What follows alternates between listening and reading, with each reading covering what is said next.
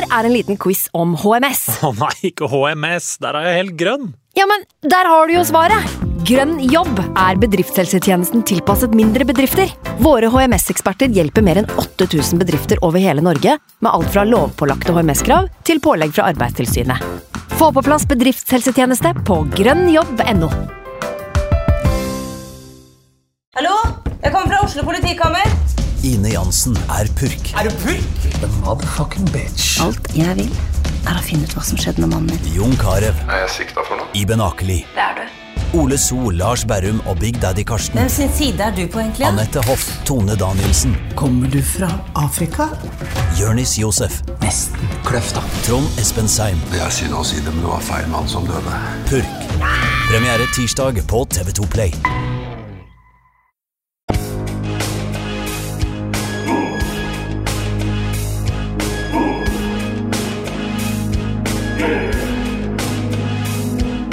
Sekstiniende. Den sekstiniende. Den sekstiniende.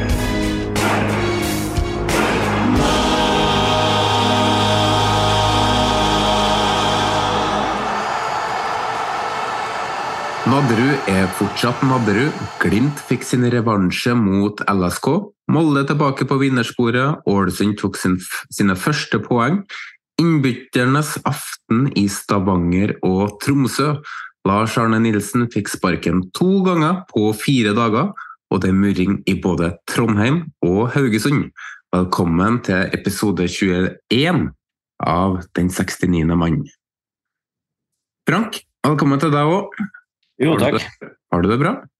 Ja, alltids bra. Det er godt å eh, slå tilbake etter eh, å ryke ut av semien i cupen. Så få seg en eh, trepoenger på Åråsen, det smaker deilig. Hvordan har uka di vært, da?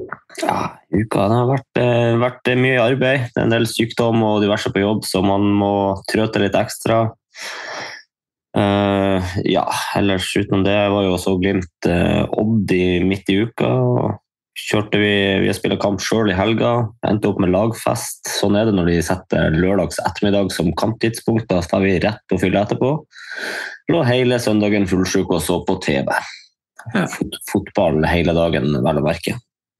Apropos fullsjuk, da. For vanligvis er det jo Snorre som er Heldigvis Snorre som er programleder i denne podkasten her. Men det er vel ikke noe overraskelse at han nok en gang har blitt syk. En kveld ut på byen med Arskan og Emil Almås, og du blir sengeliggende, Snorre. Skal, skal liksom ikke så mye mer til, eller? Det er rimelig spot on, eh, det. altså. Eh, Det var, eh, jeg tror egentlig at jeg har undertrykt en forkjølelse i ganske lang tid. Egentlig siden den der første mai-helga med Lillestrøm og sånn. Og så undertrykt og undertrykt for det har vært en ny anledning for å ikke liksom ta seg fri og, og puste. Og så fikk jeg det i går. I går fikk jeg det skikkelig på kvelden. Da kom eh, feber og feberfantasier og sånne ting. Men eh, ja, det jeg er bare fornøyd med at du gadd å ta ansvaret, og at jeg faktisk er her. for Hvis ikke så vet jeg hva som har skjedd. Da hadde dere bare sittet og prata i 90 minutter om hvorfor jeg er sjuk i hendene og alt det Det greiene skal der. vi Så jeg bare- gjøre uansett. Så det Ja, du det, ja. så bra. Ja. Da, men da bare muter jeg, sier fra hvis jeg det skal Står i kjøreplanen her. Så, Ja, så Ellers, da, sist uke uh, Innmøla, forsto jeg. Ja, hektisk uh, uke, egentlig. Men jeg vært, kom fra Oslo og starten etter å ha vært på litt visninger og sånne ting. Og så var det rett på avslutningsfest med studiet, og så fikk man så vidt henta seg inn før det var kamp på Lerkendal med Arskan. Og det ble en bra kveld, som sagt, som du nevnte, med Emil Arskan ute på, på byen. Så kosa meg masse. Men det har vært hektisk, så nå eh, må jeg roe, roe litt ned. Og fokusere på de andre tinga som er viktige i livet. Sånn som podkasten. Så det er bra. Ja, sånn som podkasten. Eh, ikke så mye nytt der. Eh, tok jo våre første trepoenger med fram på lørdag. da. Vi har jo eh, nevøen til Kjetil Rekdal som midtstopper. Og vi gjorde en avtale før match at i dag blir det seks poeng til Rekdal. Dessverre for meg så var det bare den ene som innfridde. Heldig for deg, Snorre. Ellers har eh, tilværelsen som tobarnsfar gått fra å være mm, det er utfordrende. Det var liksom eh, en gang barnepass med svigermor, så, eh, Så har uh, minsta fått lakenskrekk og separasjonsangst, så det var ikke så mye mer som skulle til.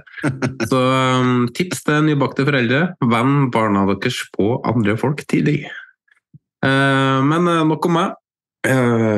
vi skal introdusere dagens gjest, for vi skulle jo egentlig ha Ljå fra TV 2, men han måtte kaste inn hanskene tidligere i dag pga. sykdom. Så da sendte jeg en melding til en eh, god kamerat, og han eh, er jo veldig opptatt av å, ja, veldig opptatt av å få litt oppmerksomhet, da. så han takka jo ja før jeg rakk å skrive ferdig meldinga omtrent. Eh, så jeg syns han, siden han var så sporty, så måtte jeg nesten skrive en liten intro, da. Dagens gjest har faktisk, av en merkelig grunn, en egen Wikipedia-side. Og jeg var 100% sikker på at det var han sjøl som hadde laga den, men til det var det egentlig altfor lite sjølskryt. Han er født og unnfanga som en ladejarl, er 36 år gammel og har faktisk vært en habil fotballspiller en gang i tida. Han har en fortid som spiller i både Skeid, Strindheim og Notodden. Var et kvarter innom en klubb i Danmark, så vidt jeg har hørt, og har prøvespilt i både Tromsø og Molde. Han har tidligere vært en del av en supporterpodkast rundt Rosenborg. En podkast som er dypt savna av alle Eh, som er interessert i Rosenborg. En faglig sterk eh, podkast. Og da forsto sikkert alle at jeg ikke snakka om rotsekk, men naturligvis om Godfotpodden. I tillegg til å være en stor Rosenborg-supporter, er han jo en nær venn av Per Siljan Kjellbred, noe han liker påpekt ofte. Veldig ofte. Egentlig hele tida. En av hans beste perioder i livet var når han sørga for gode morgenbrød sammen med vikingsupporter og tidligere gjest hos oss, Rune Edvardsen. Nå selger han vindu, og vi kan trygt si at Alex sine vinduer er sterkere enn overgangsvinduet til Rosenborg. Alexander Larsen, velkommen til den 69. mann. Jo, takk for det. Det er jo, det er jo meg de ringer når de ikke får tak i noen andre. Det, det, er litt sånn det er blitt. Ja, en god nummer to. Jeg vet ikke om jeg var nummer to på lista eller Vi spurte Jesper Mathisen før det, jeg skal innrømme det, da, men eh, han var på jobb i kveld, så han var unnskyldt. Det er sikkert veldig mange av lytterne våre som ikke vet hvem du er. Eh, kan du fortelle litt om deg sjøl? Jo, jeg liker å kalle meg sjøl en enkel gutt fra Lade. Eh, per liker ofte å fremheve at han er venn med meg, ikke motsatt. Jeg har, jeg har lært han det meste han kan, bl.a. å vaske klær. Det var jo jeg som tok han med på debuten hans på klesvask, blant annet. Det, blant annet. det er noe annet. Ja, noe mer? Jeg, jeg, ønsker ikke å gå ned i underbuksa, jeg hører hvor du vil, da, men, eh, men det, det, står over. Eh, ellers så er jeg jo ekstremt opptatt av fotball. Jeg elsker å prate fotball og se på fotball. og Før så elska jeg å spille òg. Nå er jeg blitt såpass overvektig og dårlig at det ikke er artig å spille fotball lenger. Ikke engang cageball eh, henger jeg med på, så da er det mest artig å se på og sende noe stikk i retning eh, enkelte på Twitter. Det syns jeg var litt artig. å, å melde litt. Ja, jeg skjønner hva du mener når det gjelder vekt og, fotball ikke er så gøy lenger. Um, men hvordan er ditt forhold til Rosenborg? Det er litt sånn ambivalent, for det, det må påvirke hverdagen min så ekstremt. da. Det er noe man egentlig ikke kan se for seg hvis man ikke er fotballinteressert, hvor mye det faktisk påvirker humør og fritid, og det er så ekstremt altoppslukende. Så for meg er det ikke bare Rosenborg, men fotball generelt er en sånn ekstrem lidenskap. Men det er klart, etter man fikk barn, så har man jo mindre tid til å, til å ligge hele kveldene og, og, se og analysere, så da, da, nyter jeg virkelig det å få skru av hodet litt og, og, kose meg med å se fotball. Jeg gjør jo det. Mm. Vi skal snakke litt mer om eh, Rosenborg senere i eh, episoden. Men du, du som er ladejarl, du er vel forsikra mot alt mulig, ikke det? Ja, hva tenker du på? Nei, Du har jo forsikring, personforsikring og bil og hus og Selvsagt. Ikke sant. For det, nå har jeg et tips deg, vet du. For hvis du ringer 93472062 og ber om pristilbud på forsikringa, og eh, i tillegg bruker rabattkoden 69, så kan det faktisk hende at du sparer noen kroner. Og eh, da skal du ikke prøve, altså. Så ring 93472062 og si 69 så får du høre hva tilbudet er. Det var dagens reklame. Den var smooth, da. Den var smooth den overgangen der, Jonas. Den skal du få for. Ja, det her syntes jeg sjøl. Ja, den var smooth, da.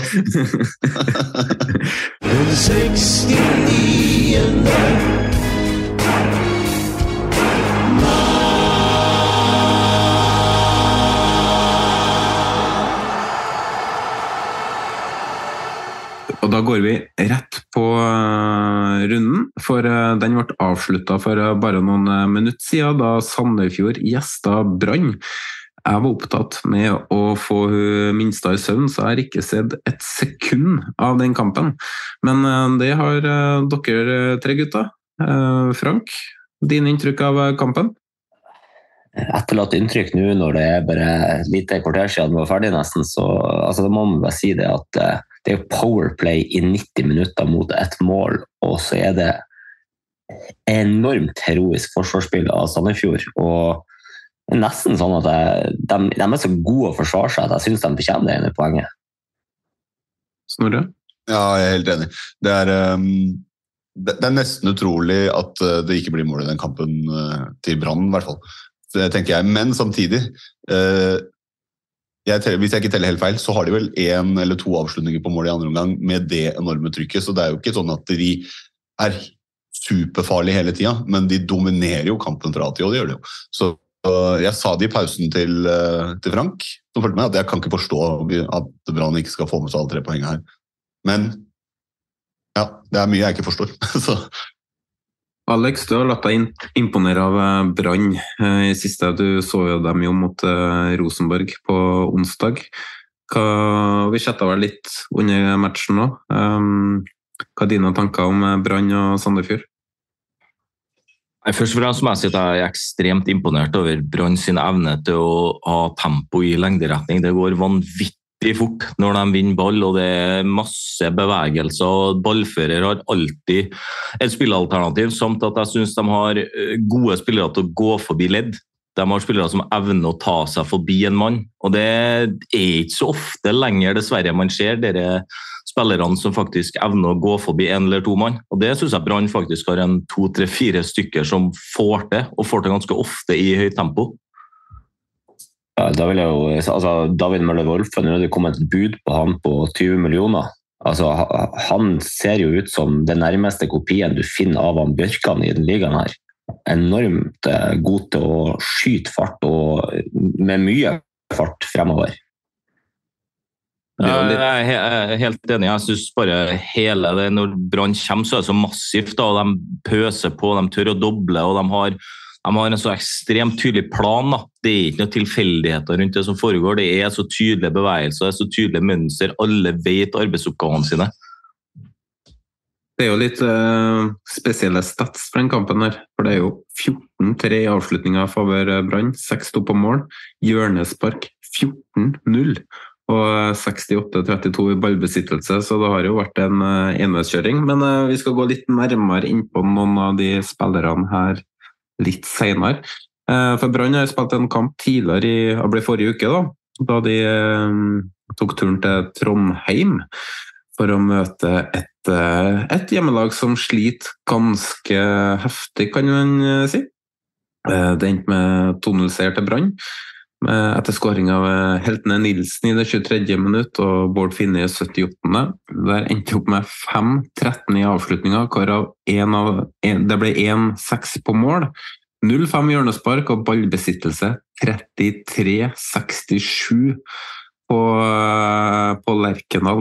Eh, uvanlige tall, eh, Alex. Du har vært der eh, ofte og sett ganske mange Rosenborg-kamper live på Lerkendal. Har du noen gang sett Rosenborg bli så kraftig overkjørt um, mot et norsk lag? Nei, jeg, jeg kan ikke huske på å ha sett det. Det er nesten sånn at man må klippe seg armene, for man tror ikke helt på det som foregår. Det, det er akkurat som at vi har bly i fotballskoene og, og, alle har på seg snowyogs. Det, det er helt krise. Vi klarer ikke å flytte beina, vi blir rulla over. og Det syns jeg tidvis vi blir også mot Vålerenga. Vi evner ikke å flytte beina. Vi ser tung og uinspirert, og vi, vi henger ikke med. Vi klarer ikke fem trekk i laget engang før vi får, får brudd og får brudd i ugunstige posisjoner. og jeg, klarer ikke å sette fingeren på hva det er som er feil, men noe er det jo. Det må jo være første gangen i min levetid hvor et nyopprykka lag har vært favoritter blant bookingselskapene eh, før kamp. Men eh, de første 10-12 minuttene så var jo Rosenborg faktisk veldig god. Kanskje beste perioden de har hatt eh, denne sesongen her, der de rett og slett trykker Brann bakover. eh, flere gunstige brudd. Og det er jo egentlig et under at ikke de tar eh, ledelsen med Sadiku. Og så faller det bare sammen.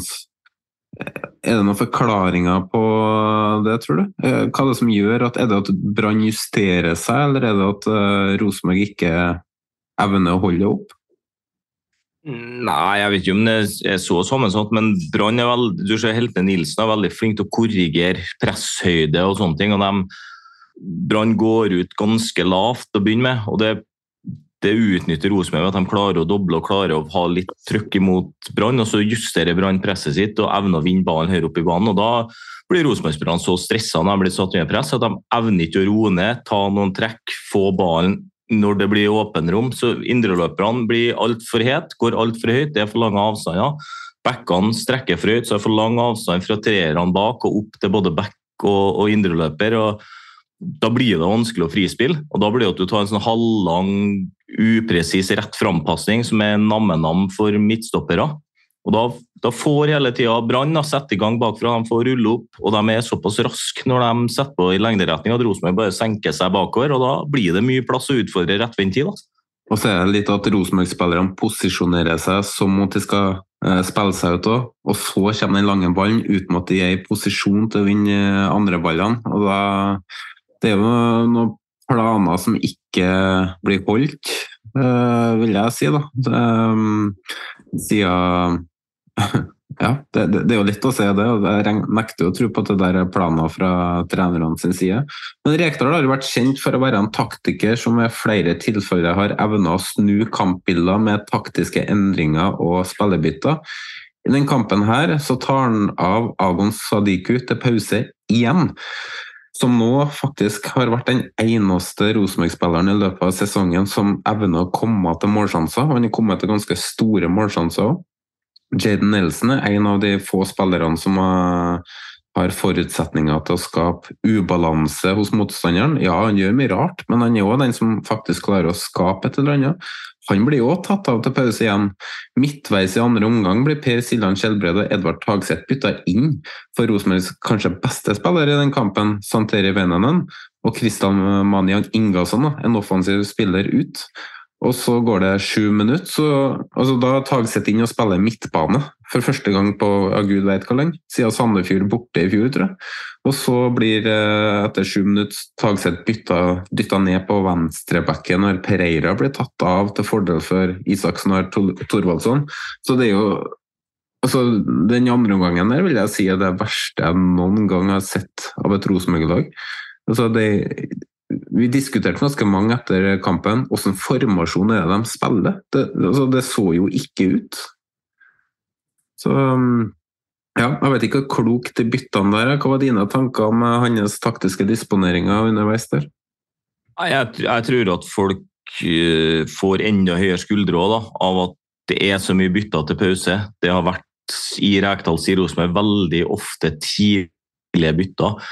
Ja, ofte har det snudd kampbildet, men ofte det henger jo litt sammen med at de som faktisk starter, får så høye skuldre, for de er livredde for å gjøre feil, de er livredde for å bli bytta ut. Og hva ender de med? Jo, de presterer dårligere enn forventa.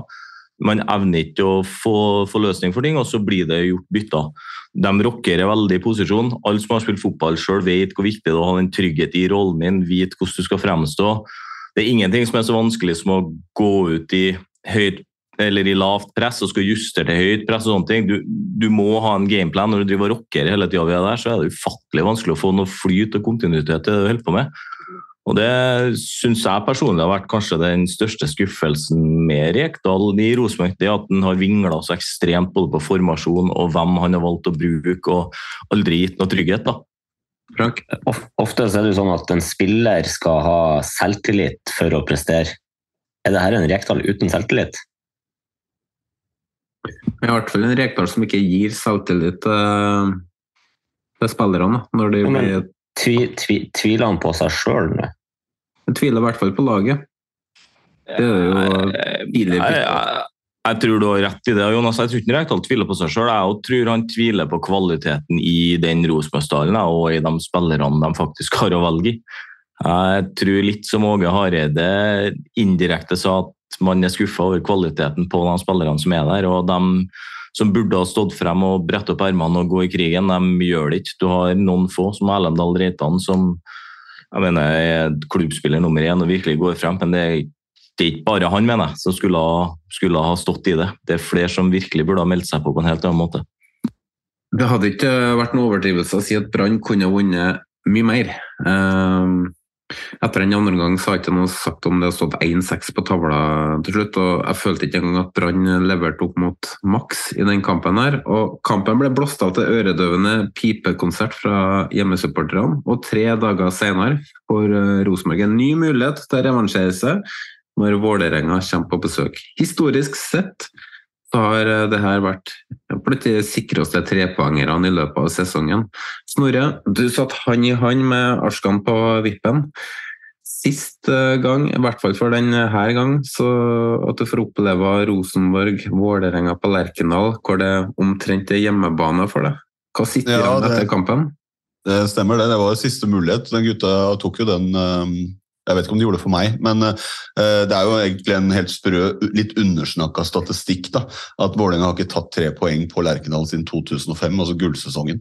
Eh, Det har blitt noen uavgjort, men det har stort sett reist litt sånn slukøra hjem. Så det var ikke noe det var ikke noen sånn hemmelighet at jeg var skeptisk til hva man skulle få til her.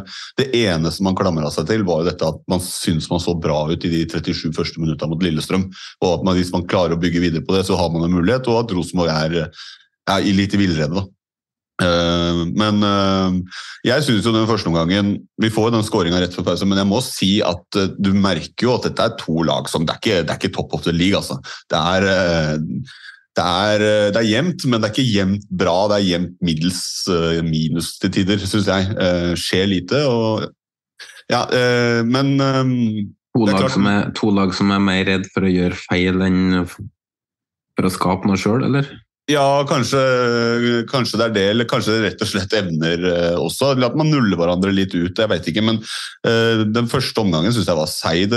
Klart at når du får et mål rett før pause, så det gjør jo noe eh, med eh, fotballkamper, det også. Men eh, heller ikke, altså, det, er ikke det er ikke en stor fotballkamp i andre omgang heller av Vålerenga del på, på, på veldig mye, men man, man er best av uh, to egentlig jevne lag. fordi Det er litt som Erlend Daniel Reitan sier i pausen, at han føler de er best. Jeg kan forstå hvorfor han føler det, uh, fordi det er jo egentlig ikke en dritt som skjer, og Rosenborg har mye ball. Uh, men alt i alt så kommer det jo til at Vålerenga har vel tre avslutninger på mål, da, hvis du tar med, tar med straffa, og den, en i stanga da, som da ikke teller, og tre går inn. da.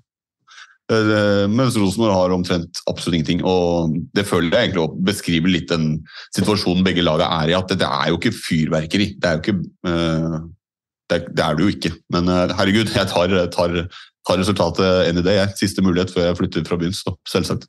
5-5 i avslutninga, 57-43 i ballbesittelse, sier statistikken. Frank? Mm. Altså, før, før denne kampen her, så syns jeg lå litt i lufta at det skulle bli Vålerenga-seier. Det er greit at statistikken taler veldig, veldig mot Vålerenga historisk sett, men jeg tenkte mer på hva er det de her lagene har prestert de siste kampene. Rosenborg har sett direkte svak ut mot eller altså, Rosenborg var ikke god mot Odd, og de var direkte svak mot Brann. Vålerenga når de var i Bergen, så kunne de ha tatt ledelsen på stillinga 1-1 og fått med seg noe fra Bergen. Eh, Vålerenga leda 3-1 mot Lillestrøm. Altså, Vålerenga så knallgod ut frem til det røde kortet, og de forsvarte seg også heroisk egentlig frem til langt ut i overtida, da Akor Adams snur kampen for Lillestrøm. Eh, Jeg så egentlig jeg så mye mer i det Vålerenga-laget de siste kampene før den her enn jeg hadde sett i Rosenborg. Derfor følte jeg det at Vålerenga er for meg små favoritter inn i denne kampen. og Det er ganske sykt å tenke på egentlig hvor lavt Rosenborg har falt. Eh, Men eh, det var ikke bare kampen det er verdt å snakke om her, Snorre. Det var en del supporterbråk i byen, og du var ikke akkurat vitne til det, men du var ikke Eh, langt unna heller? Ja, ja, jeg var ikke vitne til det som skjedde tidligere på dagen, men uh, det var jo litt egging. Det kunne jeg sagt på forhånd. Du så litt eh, det, opptakten på Twitter i, etter Odd-matchen og sånn, at det var folk som begynte å melde litt på hverandre, så det kunne jeg sagt på forhånd. Men eh, det, det ble jo politisperringer utafor uh, Tree Lions eh, på kvelden. eh, for jeg var med Emil og Arskan, vi dro dit. Eh, og Der kom det Jeg skal ikke si at jeg veit hvem som var der, og sånne ting, men det kom noen og, og vinka folk ut og ville ha folk ut eh, på gata. og det er klart, eh, det var nesten som man fikk respons, men det skjedde jo ingenting. da, Men det var jo noe som kom og bydde opp til dans. da. Det, det var det jo. Og Politiet i Trondheim var på plass var det to timer etterpå. Da sto de med politisperringer og sperra gata. Det var jo imponerende responstid. Eller, men det er klart det, det, er flere som la merke til det, tror jeg, i at det ble en clash, i hvert fall før matchen. Det var noe som lugga etter også. Det ja, Kanskje ikke så overraskende tatt i betraktning hva som skjedde tidligere. Men uh, du fikk jo oppleve en uh, VAR-skåring òg. Um, ja, det er pyton, altså. Det, altså, det var en merkelig opplevelse fra TV-en til meg, men hvordan uh, var den ventetida der? På, Nei, for det første er det dritkjedelig, fordi vi sitter på plasser hvor vi ser jo ikke om det er en mulig offside-situasjon, men vi skjønner uh, når tida går at uh, det skal sjekkes noe, og så kommer det en sånn var-sjekk. Men det som irriterer vettet av meg, er jo at vi får ikke se hva de vurderer. Det bare står var-sjekk på skjermen. Og det jeg syns jeg må si, jeg synes det var kult av uh, Øvre Øst, fordi med en gang de sto og sang og styra årene, men med en gang de så at det var var-sjekk, så begynte de å bue. Det ville de ikke ha nå. Det er heller gå mm. videre. Det er mål. Uh, det syns jeg var litt stille. Men det var to og et halvt minutt, og du ser eh, Sidi Jatta står og liksom gnager seg på, eller biter negler, liksom, for han lurer på hva har jeg skåra, har jeg ikke, han har allerede feira. Det, det, suger uh, en ekstra dimensjon ut av, av, matchen med sånne øyeblikk. altså Det gjør det. Altså. Alex, du har opplevd to vareavgjørelser på um, Lerkendal på tre dager. Begge i disfavør Rosenborg. opplevelsen fra tribunene, jeg er litt sånn Snorre sier, jeg syns egentlig helt ræva. Sitte i tre-fire minutter og kikke på sidemannen og diskutere ja eller nei, og så ser du bildene og kameravinkelen er så dårlig at du klarer å nesten ikke å se om det er riktig eller feil avgjørelse heller. Så Hvis du først skal ha et sånt produkt, så må det være så gode bilder at du nesten kan ta en ti sekunders avgjørelse og, og, gå videre, så du beholder litt momentum av det i kampen òg. For det er jo ikke noe tvil om at hvis det hadde vært motsatt, Rosenborg leda 2-0, Vålerenga hadde fått 2-1, og så jeg måttet vente i tre-fire minutter på å få en avgjørelse. Du dreper et momentum du eventuelt skulle ha en, i en sluttspurt òg. Så det, det, er jo med på å ødelegge produktet, syns jeg personlig. Jeg elsker den spontaniteten og den gleden der du hiver deg over sidemannen og brøler så høyt at du ikke vet hvor du skal gjøre av deg. Det mister du jo når du får det her. Man sitter jo litt som og balanserer på knivseggen. Skal jeg feire, skal jeg ikke feire? Hva skjer nå? Mm. Så, fra mitt ståsted så syns jeg jo det er noe dritt. Jeg syns den mållinjeteknologien er bra, for der har det vært altfor mye feil avgjørelser, men akkurat var det Vi har da tre skolerte folk, bruker hele pengene på å skolere dommerne så gode at vi løfter produktet norsk fotball og blir en eh, foregangskjemper for gode dommere utover i Europa. Vi kan si sånn at eh, vi i panelet er helt enige med deg. Men eh, det blir i forkant av matchen eh, omtalt som en skjebnekamp, hvor tapende lags trener virkelig ville henge i en tynn tråd. Og det tar oss videre til ukas snakkis.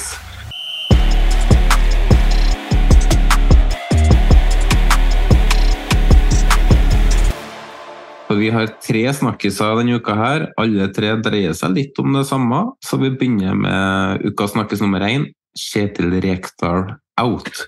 For i uka for, um, Vi skal rett og slett gå inn på Kjetil Rekdal og Rosenborg, for nå er det virkelig muring i Trondheim.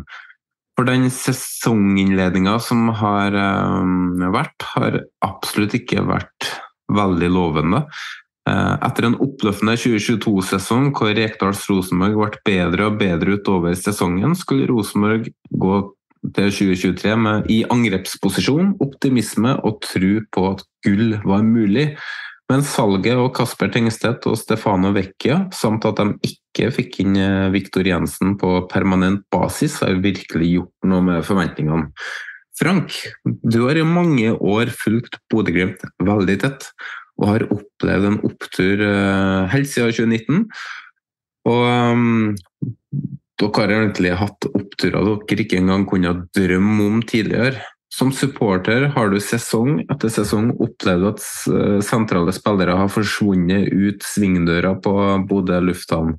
Det beste eksempelet er kanskje etter 2020-sesongen? Hvor hele 60 av 103 skåringer forsvant da Sinkernagel, Junker og Hauge dro. Og da har jeg ikke engang tatt med assister når jeg, assister når jeg sier 60 av 103 skåringer. Um, men i 2021 så ble de allikevel seriemestere. Rosenborg har mista en del målpoeng, de òg, i forkant av sesongen her, og de skylder på akkurat det. Hvorfor um, skal egentlig forskjellen være så stor, Frank? Vi snakka jo litt om det her i stad.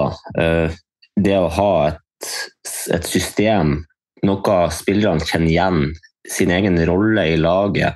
Alt denne her. Glimt og Kjetil Knutsen har så gjennomsyra, drilla inn denne kulturen i hvert enkelt hode. Uh, hvis uh, Sjøvold skal innføre Grønbæk mot Lillestrøm og spille venstre indreløper i ti minutter, og Lillestrøm er faen meg et knallhardt lag å møte for en ung gutt, han vet nøyaktig hvordan bevegelsesmønster han skal ha, hvor han skal gå i rom, eh, hvordan eh, samspillet skal være med spillerne rundt seg. Alt det her sitter i, ned til minste detalj hos hver enkelt spiller i systemet til Kjetil Knutsen. Når en spiller går ut, så det, har de allerede henta inn erstatteren i forkant, som har fått tid til å bygge seg opp, bli drilla inn i systemet til eh, Glimt og er klart å erstatte vedkommende som forsvinner.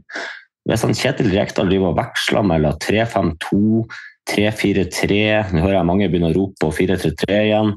Spillere som flyttes fra posisjon til posisjon, aldri får lov til å vokse inn i rollen sin. da. Hvordan skal du utvikle deg? Alex? Nei, Jeg syns den Frank sier her er fasit. og Det er jo egentlig, det blir jo sånn floskel å begynne å snakke om 90-tallet og 2000, men det var det her Rosenborg var god på. Rosenborg henta spillere. Ta en Trond Egil Soltvedt. da, Han var ikke spesielt god førsteåret sitt i Rosenborg, for det var et tilvenningsår hvor han fikk flere og flere innhopp for å tilvenne seg den måten å spille på. Sesong nummer to outstanding. Og Dere var gjennomgangsmelodien. Ta en vettlesning i Glimt. da, Ikke spesielt god førsteåret i Glimt. Tilvenning trenger å venne seg til måten å spille på. Se på nå, da. en av Eliteseriens beste spillere, uten tvil. Og han er et produkt av at de spiller en fantastisk formasjon som, som spiller på godfoten til de spillerne de henter. Da, og de bygger en kultur, en felles forståelse. så hvis høyre back eller høyre stopper da, gjør en bevegelse, ok, så vet alle andre hva de skal gjøre. Det er signal på de bevegelsene medspillerne dine gjør, som igjen gir nye bevegelser. Og det velsmurte maskineriet der, det gjør at uansett hvem de dytter inn, så kjenner de rollene sine så godt at det blir denne lugginga. Det fungerer så ekstremt godt. da. Og Det, det savner jeg litt i Rosenborg, og spesielt når vi driver og vakler som er både formasjon og laguttak. så klarer du ikke å få noen kontinuitet. Du klarer ikke å skape noen trygge, gode mønstre, og du vil heller ikke klare å etablere noen noe gode, samspilte elvere som vil, vil, valse over også på dårlige dager. Bodø-Glimt vinner på dårlige dager fordi de har trua på det de holder på med. Men eh, for å spørre deg om en ting, Alex. Eh, du sitter ikke og studerer Glimt og ser eh, alt de foretar seg. Men så, så gir deg 20-30 sekunder på å forklare hva Glimt-fotball er. Gjør du et forsøk? Ja, men det er, jo, det er jo ganske likt det som Rosenborg har vært kjent for tidligere. Det er jo backer som er flinke i å bli frispilt. De setter opp rettvendt, enten sentral som er ledig eller rettvendte indreløpere som er forbi ledd. De evner å ta seg forbi ledd hele tida. Det å skape to mot én. Rosenborg kunne aldri ha slått Real Madrid spiller for spiller, men de slo dem på kollektivet. fordi to mot én så vinner du nesten hver eneste duell. og Det er Glimt ekstremt god til. De skaper to mot én-situasjoner rettvendt. Ikke feilvendt, men det er alltid rettvendt. Du setter fart imot. Forsvarsspilleren må gjøre et valg. Han må rygge, om det er midtbane eller Forsvaret eller hvem det er, så må de rygge og gjøre et valg. Da er det vanskelig å forsvare seg. Der er, der er Glimt kjempegod. Alltid sette opp situasjoner hvor man er rettvendt og kan sette fart rett på motstander. Kjempevanskelig. Og så er de gode til å slå innlegg fra riktige soner. Ikke pisk fra 20 og ut, men man kommer ned til linje, slår harde 45-ere, slår dem hardt foran eller løfter på bakerste. Gode bevegelser, rolle, tydelige roller i innløp. Vanskelig å plukke opp også for Forsvaret. Det hvis jeg skulle ha bare kjapt nå, Frank, du må korrigere meg hvis jeg bomma på noe, men i mitt hode så er det veldig sånn jeg opplever Bodø-Glimt. Jeg tror du er veldig nærme fasit der, ja. Det, altså, Kjetil Knutsen har jo ikke lagt skjul på at han, Eggen var et uh, forbilde i forhold til hvordan han vil spille fotball på. Uh, så, så, har de selvfølgelig tilpassa det litt, men jeg tror veldig mange i Trondheim kan kjenne igjen det Glimt gjør i dag, med det Rosenborg har vært jævlig god på før. Og så glemte jeg ett punkt til òg. Det at de har midtstoppere som evner, litt som Erik Hoftun var i verdensklasse på, evner å dra forbi første pressledd. Da har du allerede satt deg i posisjon til å skape overtall. Og du har kommet deg såpass høyt opp i banen at får du brudd der, da, så er det ikke så farlig. Fordi du har såpass lang, lang tid og langt unna eget mål at du rekker å jobbe deg inn igjen. Det er et godt eksempel på akkurat det du sier der. For uh, når Rosenborg skulle møte uh, Glimt på Aspmyra det er to sesonger siden, lurer på om Rosenborg var dritheldig og fikk med seg 2-2. Uh, jo, da, stemmer det. Ja, Det var jo veldig ufortjent. da. Men da skulle de være lur, så de satte Sakariassen for å mannsmarkere Patrick Berg. Da tar de Glimt ut av kampen, tenkte jeg. Patrick Berg tok med seg Sakariassen på løpetur ut til sida. Så var det Høybråten som bare sp han sprang 30 meter rett fram med ballen. Han hadde dunka den i stolpen, eller eh, hvert fall sånn jeg husker det. da, sånn at de Det er elleve spillere som tenker likt, da. og så er det elleve spillere som veit hva lagkameratene tenker. Altså det er samhandling på høyt nivå. Men uh, andre veien, Alex. Hva er Rosenborg-fotball under Rekdal? Jeg, jeg, jeg, klarer ikke å bli helt klok på det. For at det som snakkes om og det som diskuteres i media og når man blir utfordra, er noe helt annet enn det vi ser fra spillerne. Så om det er at de ikke får det ut i kamp, eller om det blir kommunisert for dårlig, at det ikke trenes på det man skal gjøre i kamp, det, det er jeg fryktelig usikker på. Men jeg, jeg klarer ikke å kjenne igjen noen rød tråd fra kamp 1 til kamp 5. Det er ikke noe gjenkjennbare mønster, det er ikke noe gjenkjennbare måter å spille seg fri på. Eh, jeg hadde en sånn halvlang Twitter tror en dag hvor jeg mener Rosenborg burde ha agert mot Vålerenga. For Vålerenga er ganske Det er ganske enkelt å nulle ut Vålerenga. Og det er ganske enkelt å se hvor Vålerenga er svak, og det er spesielt på back. Så har Vålerenga slitt når de blir utfordra to mot én og satt opp mot backene. Nå bytta de jo begge backene i tillegg mot Rosenborg, likevel så evner vi ikke å, å, straffe dem. Samtidig som at alt skal gå via spesielt Holm. Det skal gå fort i lengderetning. Du vet at Hvis du mister ballen mot Vålerenga, så er det bare å snu og springe, for da skal den ballen i klassisk Fagermo-stil rett fram. Og det virker som at vi ikke, ikke er forberedt på hva som kommer. Ja, jeg er enig i at vi skal ha eget spill, men man må likevel ha en, en, plan når man blir satt under angrep. Man må vite hvordan man skal agere, vite hvordan man skal nulle motstanderne. Kjell Rekdal har alltid for meg fremstått som en ganske sånn taktisk god trener til å, til å eh, lese kampbildet og gjøre endringer av det. Men jeg, jeg savner litt den, den, delen av den, da, og den gjenkjennbarheten. Jeg har sagt helt siden han kom til Rosenborg, hva er det vi ønsker å se ut som? Hvordan skal vi se ut i det offensive? Hva skal vi gjøre? Hvem skal gå hvor? Det er ingen tydelige roller og tydelige mønster. Og det synes Jeg jo, jeg blir jo nesten kvalm når jeg ser Bodø-Glimt og ser at de ruller angrep og angrep og angrep. At vi som egentlig burde ha gjort det nå sier jo vi om Rosenborg, eh, vi får det ikke til. Og det gjør jo ekstra vondt i sjela mi. Det gjør jo det. Da må vi inne på noen eh, spørsmål her. Um, sitt uh, Kjetil Rekdal på lån tid, Alex? Jeg, jeg, syns det er vanskelig. da. Jeg ble spurt om det her på lørdag. og Da svarte jeg vel egentlig litt sånn politisk at jeg tror ikke løsninga å sparke Kjetil Rekdal i dag eller i morgen. Jeg, men hvis det her fortsetter i to, tre, fire kamper til, så er vi over 35 eh, av sesongen gjennomført. og Da må vi gjøre noe grep hvis det ikke snur. Men eh, hvem skal inn, da? Hvem skal snu her på kort tid? Jeg, jeg vet ikke. Er det noen som egner seg bedre akkurat nå? Jeg, jeg vet ikke. Jeg har, sitter ikke på svaret. La oss uh, brodle litt om den. Ja. Hvis han skulle ha fått sparken eller trukket seg i dag På kort varsel, hvem er det som kunne komme inn og um, ikke løfta Rosenborg til å bli et gullag, men hvem er det som kunne ha løfta prestasjonen og resultatene? Lan, Han, da. Han er jo ledig. ja. Det er jo det er et sideveisbytte, vil jeg si. Og litt ned. Nei, jeg, jeg må poengtere det at jeg er glad i Kjetil Rekdal. Altså det han har tilført til Rosenborg i, i, form av eh, åpenhet, måten han stiller opp på, svarer på, uh, humør. Uh, Altså, han er ti av ti på alt det der. Det å være en leder i Rosenborg. Akkurat det jeg ønska av en eh, Rosenborg-trener, men ikke det som blir vist på banen. Ikke det fotballen han står for. da. Han snakker om at de skal ha uh, spille hurtig lengderetning og ha mange folk fram i boksen. Men det er ingen som vet hva, hva planen fram dit er. Det er det, det, som egentlig er problemet, da. og det som Alex eh, snakker om. Det å få, skape overtallssituasjoner. Det skjer aldri. Snorre? Ja, du, altså, du starter med å si til Kjetil Rekdal på lånt tid. Altså, jeg tror alle fotballtrenere som taper nok fotballkamper, eh, sitter på lånt tid i en eller annen form.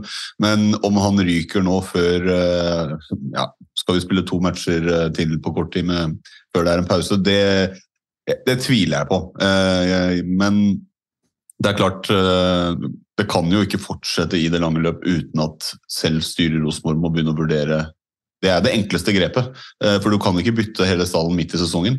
Eh, du kan gjerne ikke gjøre det gjennom én eller to vinduer heller, det er for krevende. Å bytte en trener, da kan du få i hvert fall en endring. Og, men det er jo litt som man sier, hvem skal man hente? Er, I Norge er det jo, sånn som jeg ser det nå, ikke akkurat noen kandidater som peker seg ut, eh, som hadde vært realistisk. Så da, jeg tenker jo det har jo noe å si også. Hadde Kjetil Knutsen plutselig hadde eh, trukket seg etter en uh, uoverensstemmelse med Glimt-styret, og plutselig har vært leder på markedet, så tror jeg kanskje det hadde heva noen øyebryn på brakka.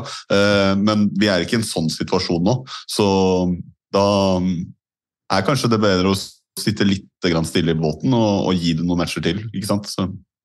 Ja, men si, sier at uh, resultatene snur litt. Det blir en 1-0-seier og en 2-1-seier, og det blir plukka litt poeng, da. Men det er ikke, fortsatt ikke noe plan i det, det er ikke noe offensiv fotball, det er mye mer tilfeldigheter som vinner kamper. Skal man stå med en trener som spiller den defensive 3-5-2-varianten til Kjetil Rekdal? Jeg syns det er mange lag i Norge som har lagt om til 3-5-2 fordi at de ikke, ikke fordi de skal ha en plan fremover, men mer fordi at de skal demme opp for andre lag og egentlig spille destruktiv fotball. Altså, når jeg tenker på Rosenborg, så tenker jeg på Norges råeste angrepslag. tenker Jeg på. Jeg tenker på sånn som Bodø-Glimt og som Brann spiller i dag. Eh, jeg tenker egentlig på sånn som han Fagermo delvis får til i Vålerenga, men han Fagermo, der, der, er det litt for mye varierende.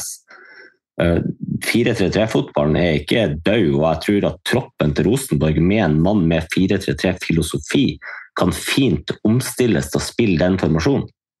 Jeg referere til en uh, Twitter-tråd jeg sjøl la ut i helga, med hvordan laget kan bli satt opp i 4-3-3 formasjon. For det var noen som mente at hvis en um, Rosenborg bytter trener, så må de bytte hele stallen, men det er jo ikke sånn det fungerer. Uh, de fleste uh, spillere som vokser opp i et akademi, spesielt i Norge, de vokser jo faktisk opp i 4-3-3-formasjon omtrent uansett hvor du er igjen. Men uh, vi må nesten gå videre her nå. Uh, kan avslutte med at Kjetil Rekdal han får ikke sparken ennå. Det sitter veldig langt inn uh, for styret. Men det er klart at uh, to-tre tap på rad nå, altså inn mot en lengre pause, det da da sitter han på veldig lånt tid, kan vi si. da.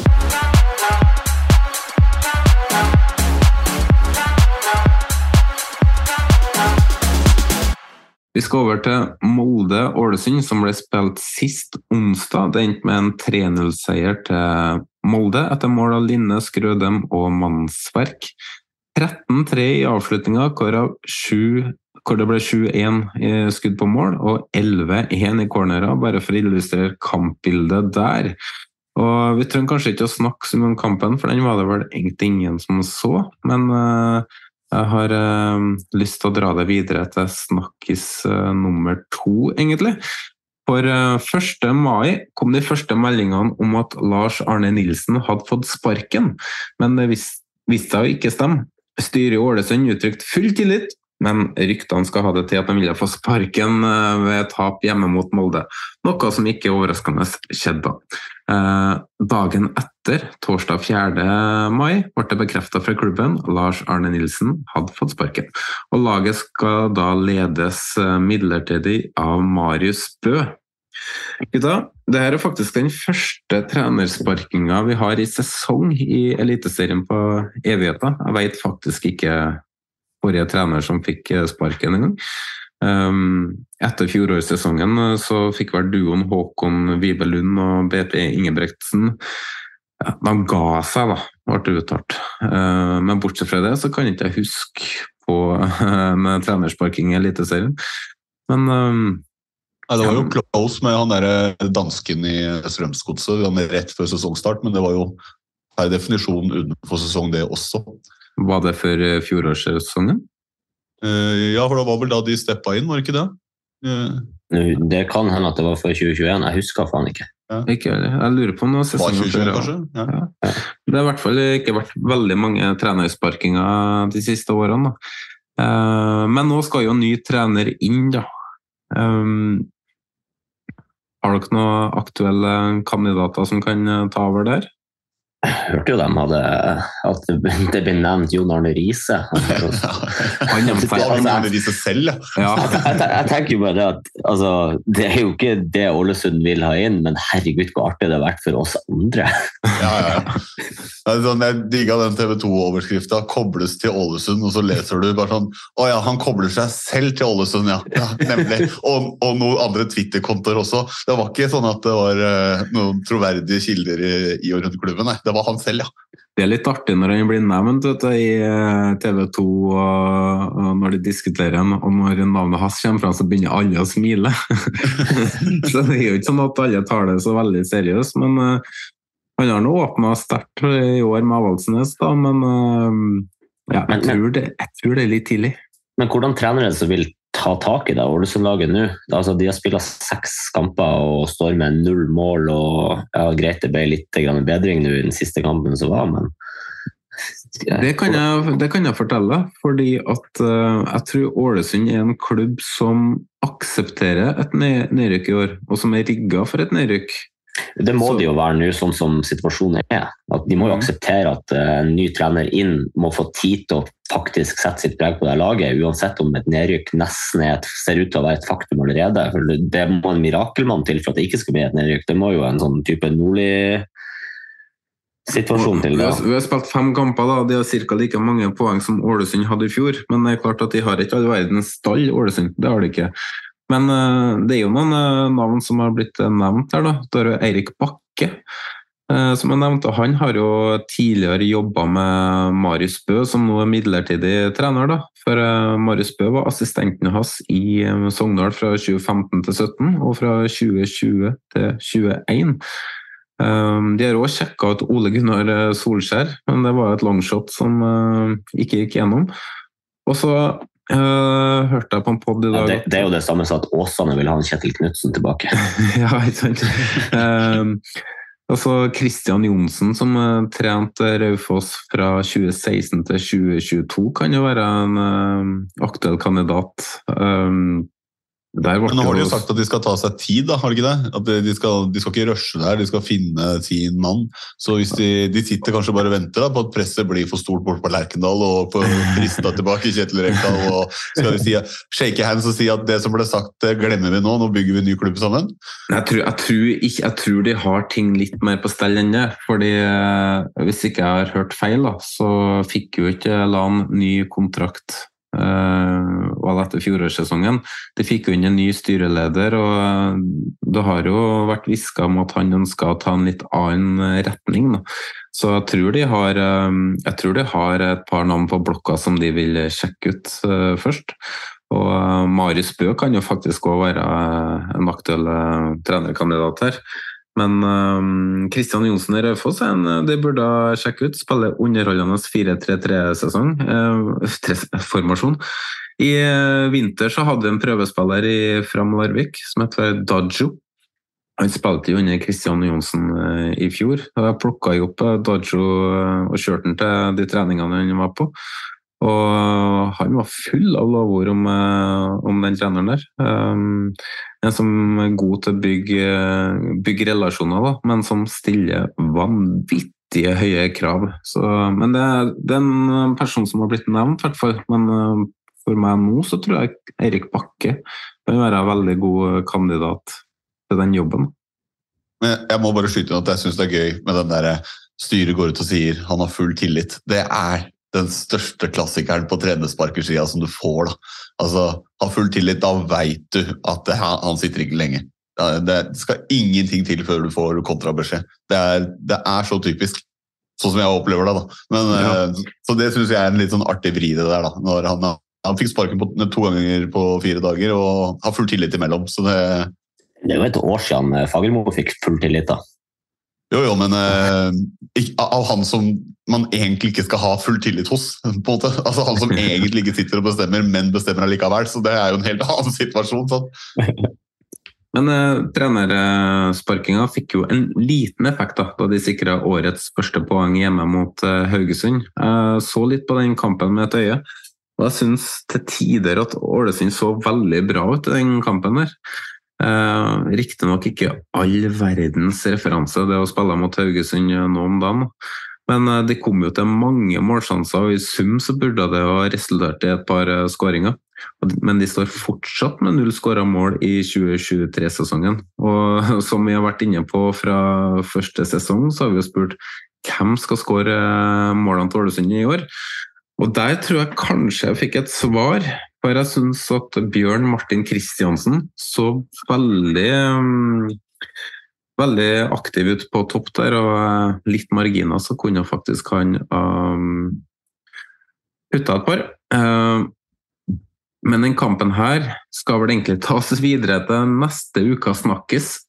Ta en liten sånn fun fact. Da, bare at eh, Uansett hvordan det går for Ålesund i år, så har de i hvert fall satt en ny rekord den etter den allnorske eh, serien eh, i 1963. Det er ingen som har gått de første seks rundene uten å skåre mål.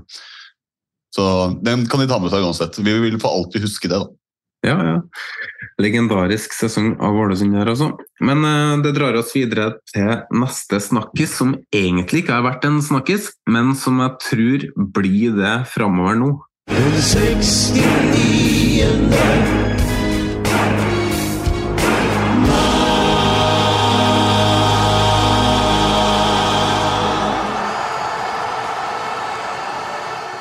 Jostein Grindhaug da jeg satt og planla denne episoden, her, så begynte jeg å se litt på Haugesund og hva de har levert så langt i år. Da. Så litt på tall og sjanseskapning og osv. De ser jo egentlig litt ut som Rosenborg med litt uh, dårligere individuell kvalitet. Da. De har én seier hjemme mot Kamma, en seier som nesten glapp overtid. De var veldig heldige mot Ålesund i helga, og de var griseheldige hjemme mot uh, Sarpsborg Nei, borte mot uh, Nei, hjemme mot Sarpsborg 08, hvor bortelaget hadde tre baller i treverket. I tillegg så tapte de 3-0 for både Brann og Stabæk. Bak resultatene ser det ikke bra ut, de skaper ikke målsjanser, de har ikke gjenkjennelig spill, og det er vanskelig å se hva FK Haugesund egentlig skal være for noe.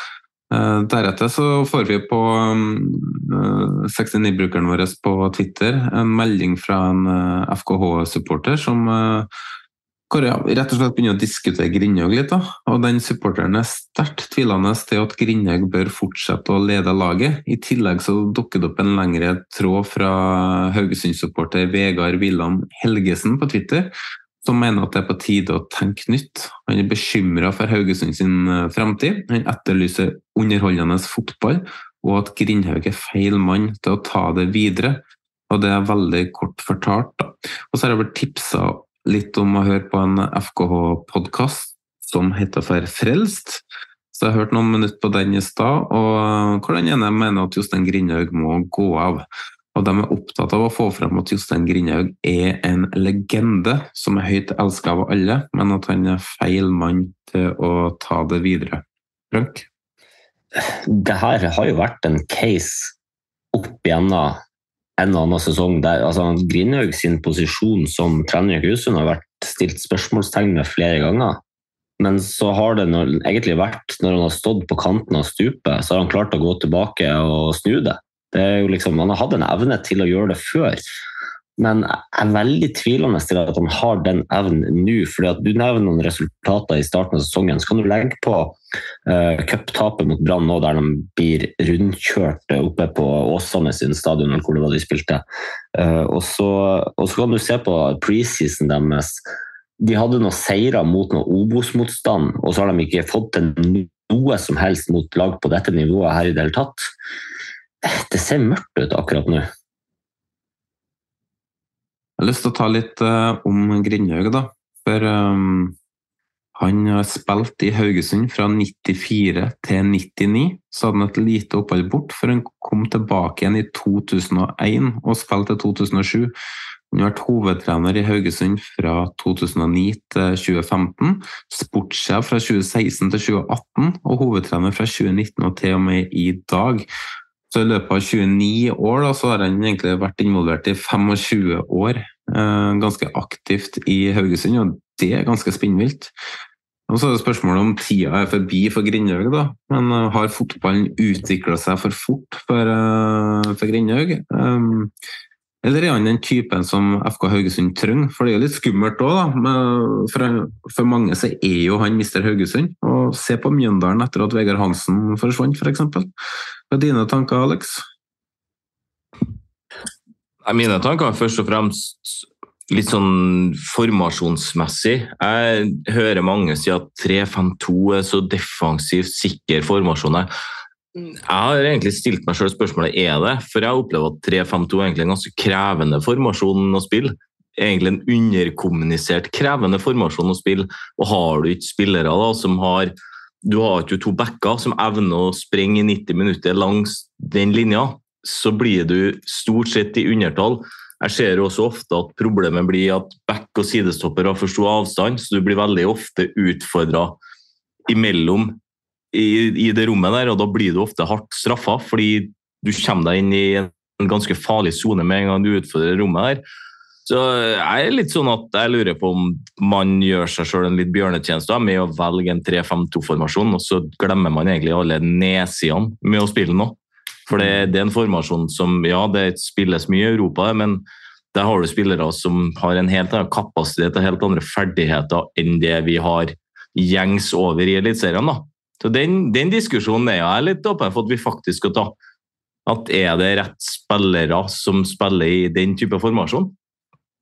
Grindhaug har jo tidligere vært veldig sånn 4-4-2-retta. Mm. Altså, hvis du tar i hvert fall den første perioden hans som trener før han ble sportssjef, så var det jo 4-4-2 det gikk i. Ja. Det er jo sånn han har fått Haugesund opp til å være et stabilt lag i Eliteserien. Mm. 4-4-1-1 òg, med en som henger litt bak, og, og det å ligge, ligge trygt og godt i boks og ha stab, være stabil, da. ha en god blokk i fireren og to sittende med to kanter som heller kan lage litt uro. Da. Hadde ofte to raske på topp. Mm. Har, det er jo en ting som alltid har kommet gjennom i Haugesund, ja. og det er jo spisser. Mm. Det er Sørum, Djurdic, Wadji altså, Det har alltid vært noen solide spisser. Balla Garba. Ja. Jeg har spilt med Balla Garba i Notodden. ja, ja, ja. Yes. Um, vi får nå se, da. Men uh, det begynner i hvert fall å bli murring i, uh, i og rundt Haugesund. Men, men, vi har jo snakka litt om det før sesongen, Snorre. Vi sa jo egentlig at Haugesund kom til å få en veldig trå start. Og så vil de løfte seg litt utover. For vi må jo huske her at det, det er et ganske ungt lag de har. Uh, uten å sjekke fasit, så har de kanskje yngst i Eliteserien nå. Men uh... Frank var vel litt mer optimister på vegne av Haugesund enn det jeg var. Jeg, vet, jeg husker ikke disse tabelltipsene i hodet, men jeg tror jeg hadde de lenger nede enn dere. Jeg hadde de ganske langt opp. jeg tror jeg har det rundt sånn ni, niende pluss minus. Ja, niende eller tiende. Jeg tror jeg har det liksom overfor sumpa, men uh, ja, ikke så fryktelig langt. Men, uh, så jeg var nok litt mer skeptisk til det. Men altså, de, altså, de er jo på sporet av den starten dere har snakka om, da, hvis du kan si det sånn. Altså, at det skulle lugge litt mer i starten og at det skulle ta seg opp. Så spørsmålet er jo nå er Jostein Grinaug sitter han i sesongen osv. Jeg vil bare tenke litt sånn på det at han ga seg som trener og ble sportssjef, så var han jo egentlig han var klar på at han var ferdig som trener. Eh, og det var vel egentlig ikke planen at han skulle dra, men det var jo denne Hornland-overgangen som gjorde at eh, han steppa inn igjen. Og Det signaliserer litt uh, hvem skulle Haugesund ha inn. Og det problemet, problemet har de jo nå. Hvem vil til Haugesund? Hvem skal inn der nå? som ja, er de rigga for et nedrykk og tåler det? Jeg vet ikke, men jeg vet ikke om det Jeg tror det taler hans sak for at enten så trekker han seg, Eh, fordi han ser at han ikke får det til. og Det vet jeg ikke om er så realistisk, men jeg er rimelig usikker på om han sparkes i løpet av sesongen. Altså, det, Det hadde, vært jævlig typisk at det var en LAN sendt opp der, da. Ja, nei, jeg, tror, jeg tror ikke at han får sparken. Jeg tror at han eventuelt trekker seg sjøl. Han er jo ordentlig klubbmann som hvis han ser at det her strekker ikke, så tror jeg han er først den som eh, strekker handa i været. Jeg tror han snur det resultatmessig, men det noen supportere er veldig usikre på, er om han spiller god nok fotball som kan tiltrekke seg enda flere supportere på stadion. Det var noe som gikk igjen både i podkasten og i, på Twitter. da. Og det tror ikke han gjør, for da er han avhengig av å få noe sånn eh, krydder fra Afrika på topp som, eh, som kan engasjere litt. da. Og de har jo eh, han eh, Sorry, Diari, Diari, Diara på topp nå, som eh, jeg i hvert fall eh, synes ser spennende ut, men den kan jo ikke gjøre alt alene. Eh, og så er jo tida over for, eh, gode venn Sødlund. Søderlund. Men øhm, vi må nesten gå videre, vi. øh, for det ble spilt en kamp i Hamar. Uh, Kamma tok imot Molde, og det ble 0-4. Uh, kampen åpna med sjølmål, av Bjarnason i det sjette minutt. Eikrem uh, dobla ledelsen før Eriksen uh, satte inn 3-0. Uh, I det 60. minutt så fant Fredrik Sjølstad ut at han skulle rive ned eh, Erling Knutson alene med keeper. Eh, Så korrekt rødt og karantene der. Så spørsmålet er um, Alex, er Molde på vinnersporet igjen, og kan de blande seg inn i gullkampen? Ja, det tror jeg. Hvis du tar fjorårssesongen til grunn, så var Molde solid. De spilte ikke blendende fyrverkerifotball, men de gjorde jobben. De tok tre poeng, vant, var trygg og god.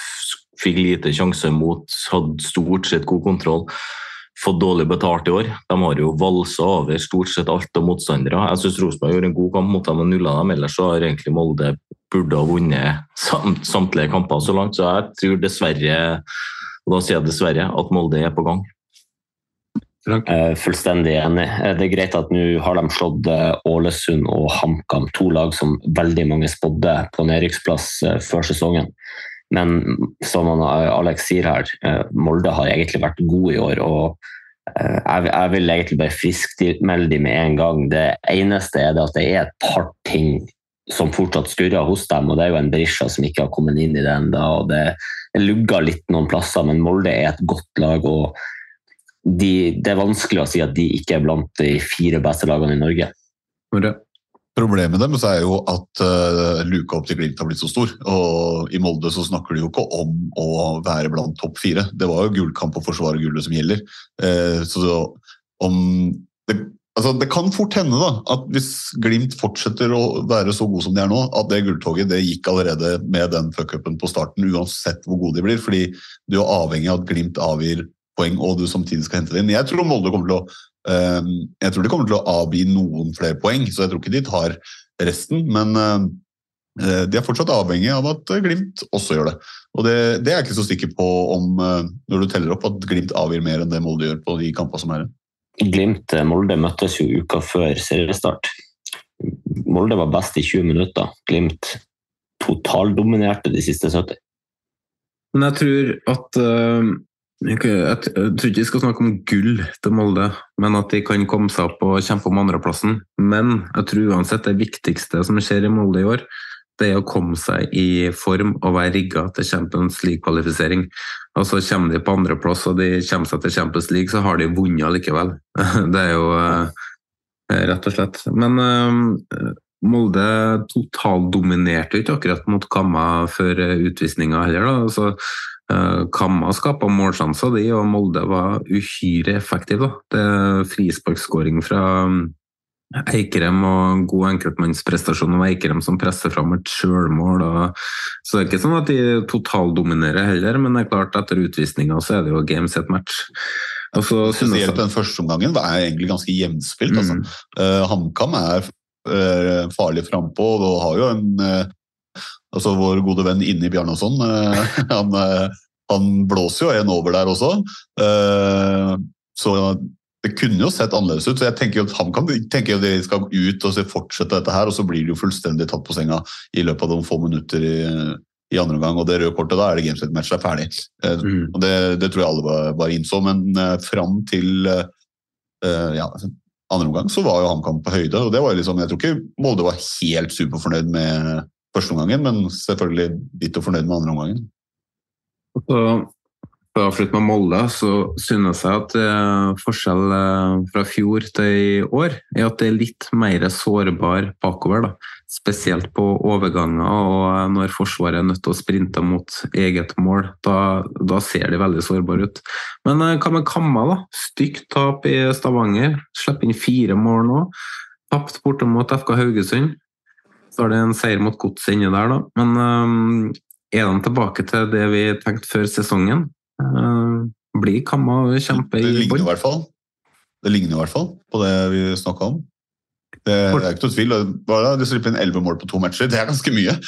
så, Ja, det, så de må jo to. finne ut Det er ikke bare to matcher, det er en og en halv match. ja, så de må jo finne ut av det. Kan ikke fortsette sånn. Da kommer det til å bli tøft sånn sett. For da, kan, eh, da kan de eh, Udal og Målpål der framme ha en så god relasjon de bare vil, men eh, du kan ikke være avhengig av å skåre fem mål for å vinne fotballkamper. Nei, det, det, da blir det fort vanskelig. Sant? Så de må jo finne ut av det der, og det, det, kommer, eh, det kommer jo kamper på rekke og rad, så vi har muligheten til det. Men det er klart, jeg tror den derre eh, eh, omgangen i, eh, i Stavanger, den rista han nok litt inn i sjela på de. Oi, er vi såpass sårbare når, når det rakner helt, ja. Og det, det, det må de finne ut av. Ja, for den første, omgang, første omgangen i Stavanger var jo virkelig god. Men vi skal egentlig videre til en kamp jeg egentlig ikke har lyst til å snakke noe om. For vi er nødt til å altså, Kamper på Nadderud kan jo bare hoppe rett over. Eh, Vi fikk se Altså, Vi fikk ikke se høydepunkter engang. Vi fikk se noen eh, videosnutter fra fotballkveld av at de drev og førte ball langs eh, skal vi være snille og kalle det gresset. Det er det verste jeg har sett på en elitearena noen gang.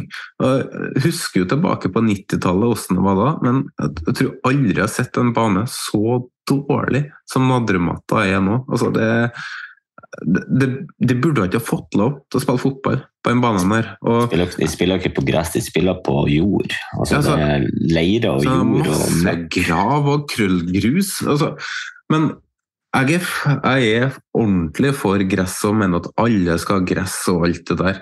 Men altså Ett sted går grensa, altså. altså. Det er bedre å spille på asfalt enn å spille på den matta der. Men eh, altså, jeg, jeg orker ikke å snakke om kampen.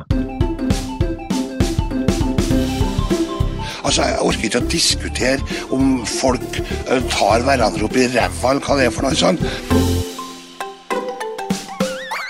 Hvordan i satan fikk han plass til den i ræva? Vi går videre til Vikinggodset. For eh, det kan jo si var innbytternes aften. Eh, Det ble 1-1. Braut Brunes ble bytta innpå i det 73. minutt og satte inn 0-1 ett minutt senere. Birke Bjørnason kom innpå det 75. minutt, og i det 88. minutt så satte han inn 1-1. Og det er vel 13 år siden han skåra sitt siste eh, vikingmål. I avslutninga er det 11-10, hvor, eh, hvor det ble 5-5 i skudd på mål. 6-6 i hjørnespark, 55-45 i ball position. Det kan vi kalle en jevn match, eller eh, Snorre? Ja, det eh, kan man jo si. Men samtidig så følte jeg når jeg satt, Jeg satt og fulgte med det her på Fotballekstra. Og jeg følte at veldig ofte når det kom blikk derfra, så var det fra Viking. Vikingangrep. Det var Nilsen Tange som rulla opp på Arna. Og så følte jeg det kanskje kom litt ut av det blå, den der uh, godseskåringa. Men herregud, hvor viktig den var for uh, Jørgen Isnes og, og Godset. Det er synd for de selvsagt at den glipper, men det er et poeng i Viking uh, og i Stavanger, det tror jeg de hadde tatt uh, på forhånd, egentlig, sånn som det, tingenes tilstand var nå. For det er jo én spiller utpå her som utmerker seg veldig, og det er jo Viljar Myra i mål til, til Godset. Og rett før, eh, før Braut Brune satte inn, eh, satte inn eh, 1-0, så hadde han jo en fantomredning.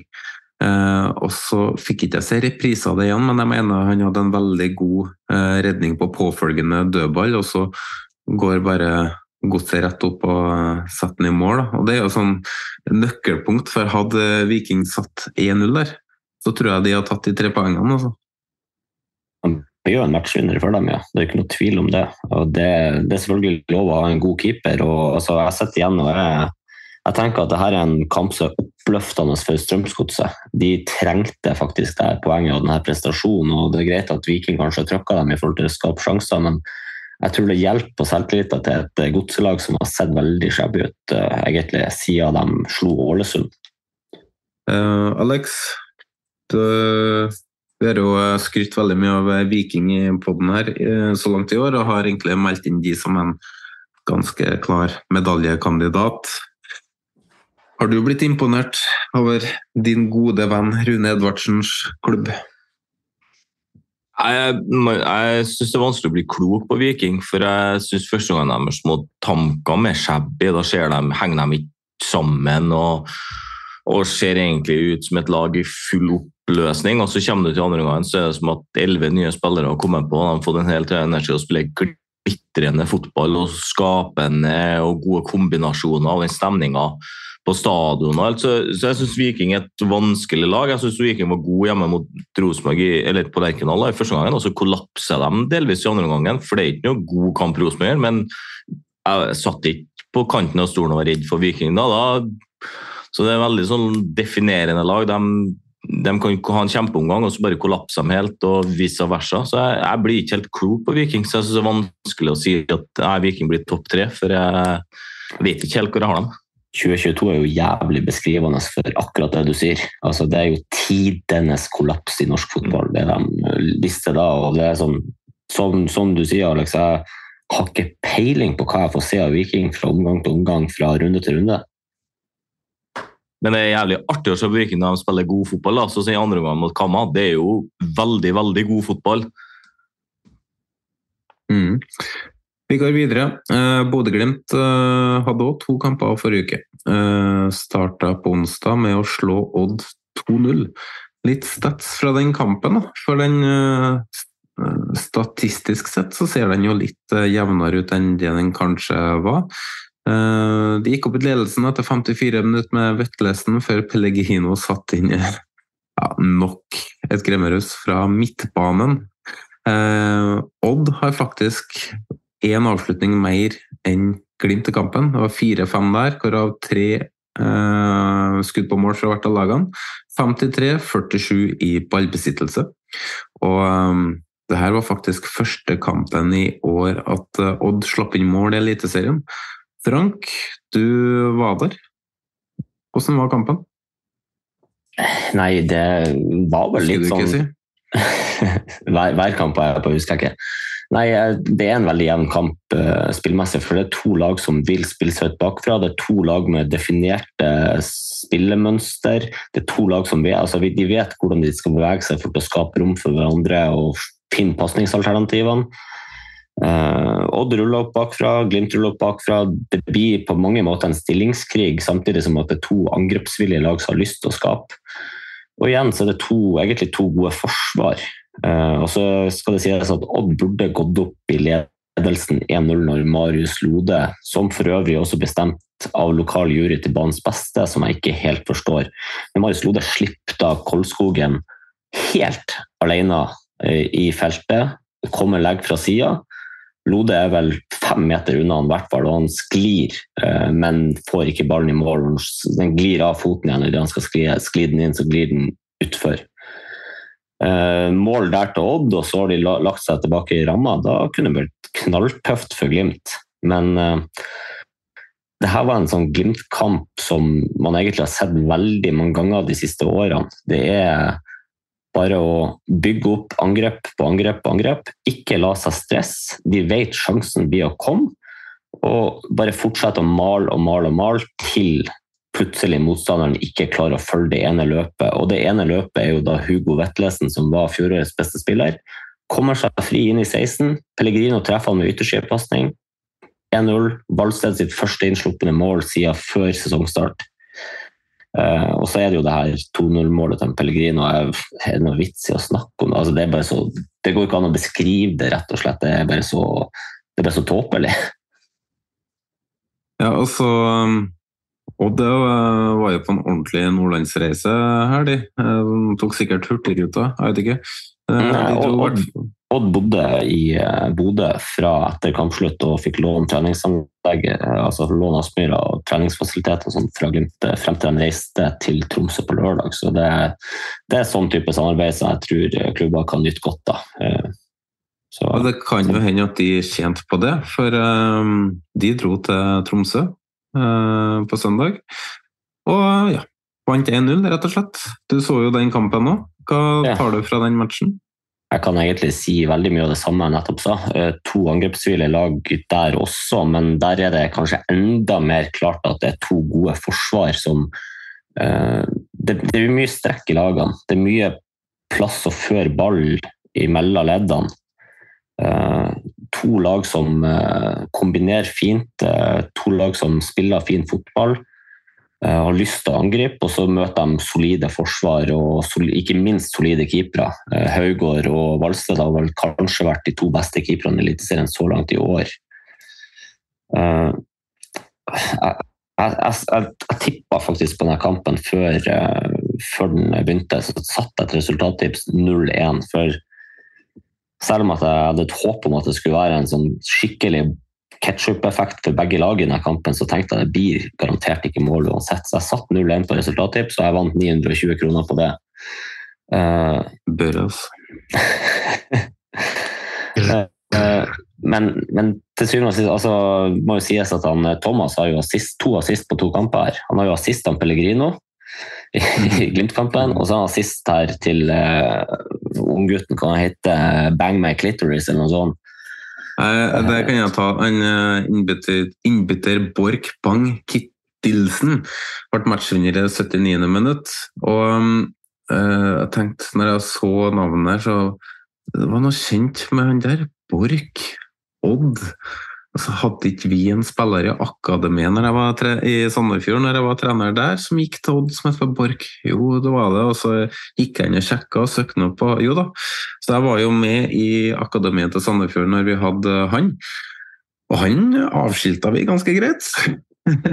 han eh, han øh, mente vi han var ikke god nok, og vi diskuterte han. og Han fikk ikke nok spilletid og var misfornøyd med det. og Hadde jo ganske gode konkurranser på de plassene han kjempa om. Eh, To av de er jo proffer i Danmark i dag. Eh, Men eh, noe av det siste jeg sa, eh, var at ikke til han, men hos trenere, var at ja, om han drar til Odd, har ikke noe å si. Han blir aldri en fotballspiller likevel. Eh, nå skåra han i Eliteserien, så Men eh, grunnen til at jeg ikke kjente ham igjen, er at han har jo pinadø vokst 30 cm eh, siden jeg sånn sist. Så um, utrolig artig at, eh, at eh, han har kommet opp og får være med og avgjøre kamper i eh, Eliteserien. Alex, har du latt deg imponere av eh, Tromsø og Odd så langt i år? Først vil jeg bare rosen eh, Kittilsen for en ekstremt bra avslutning. Egentlig underkommunisert bra avslutning.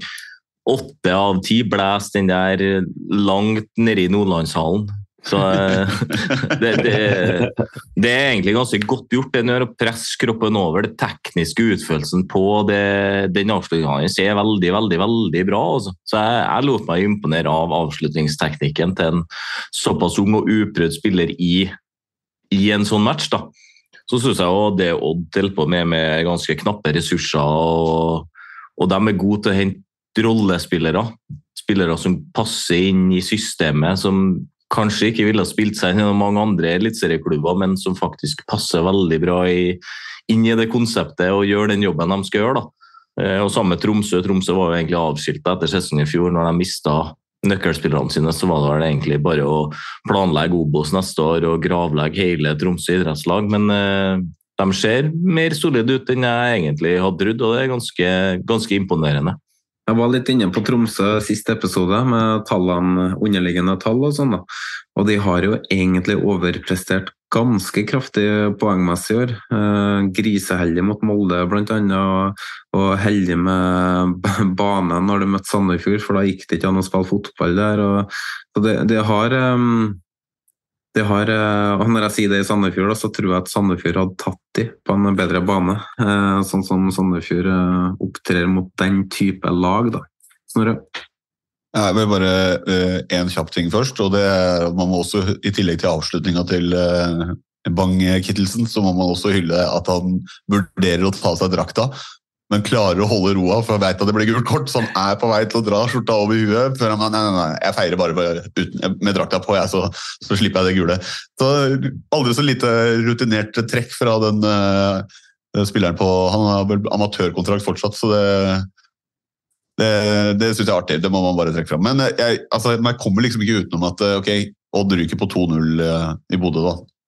Eh, Passmyra der. Og, men bortsett fra det, så er det jo er bunnsolid, da. Det de har gjort hele veien. Mm. De Omtrent uh, umulig å skåre på om dagen, og de, de får uh, de poengene de skal. og er, Ligger vel på i skrivende stund oppå akkurat på Er det tredje nå? Ja, så, jo, tredje.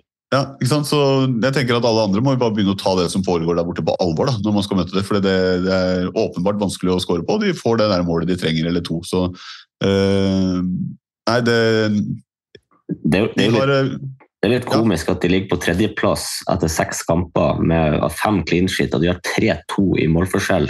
Eh, laget de ligger foran, som ligger på fjerdeplass, da, Lillestrøm, på eh, fem kamper 11-11 i målforskjell. ja.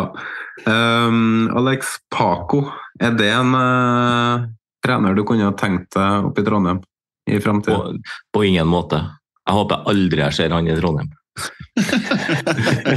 når, man er voksen, når man er voksen og går med barnesmykke på TV, da har man ingenting i Rosenborg. Da takler man ikke presset å være Rosenborg-trener. Han kan holde seg i Skien.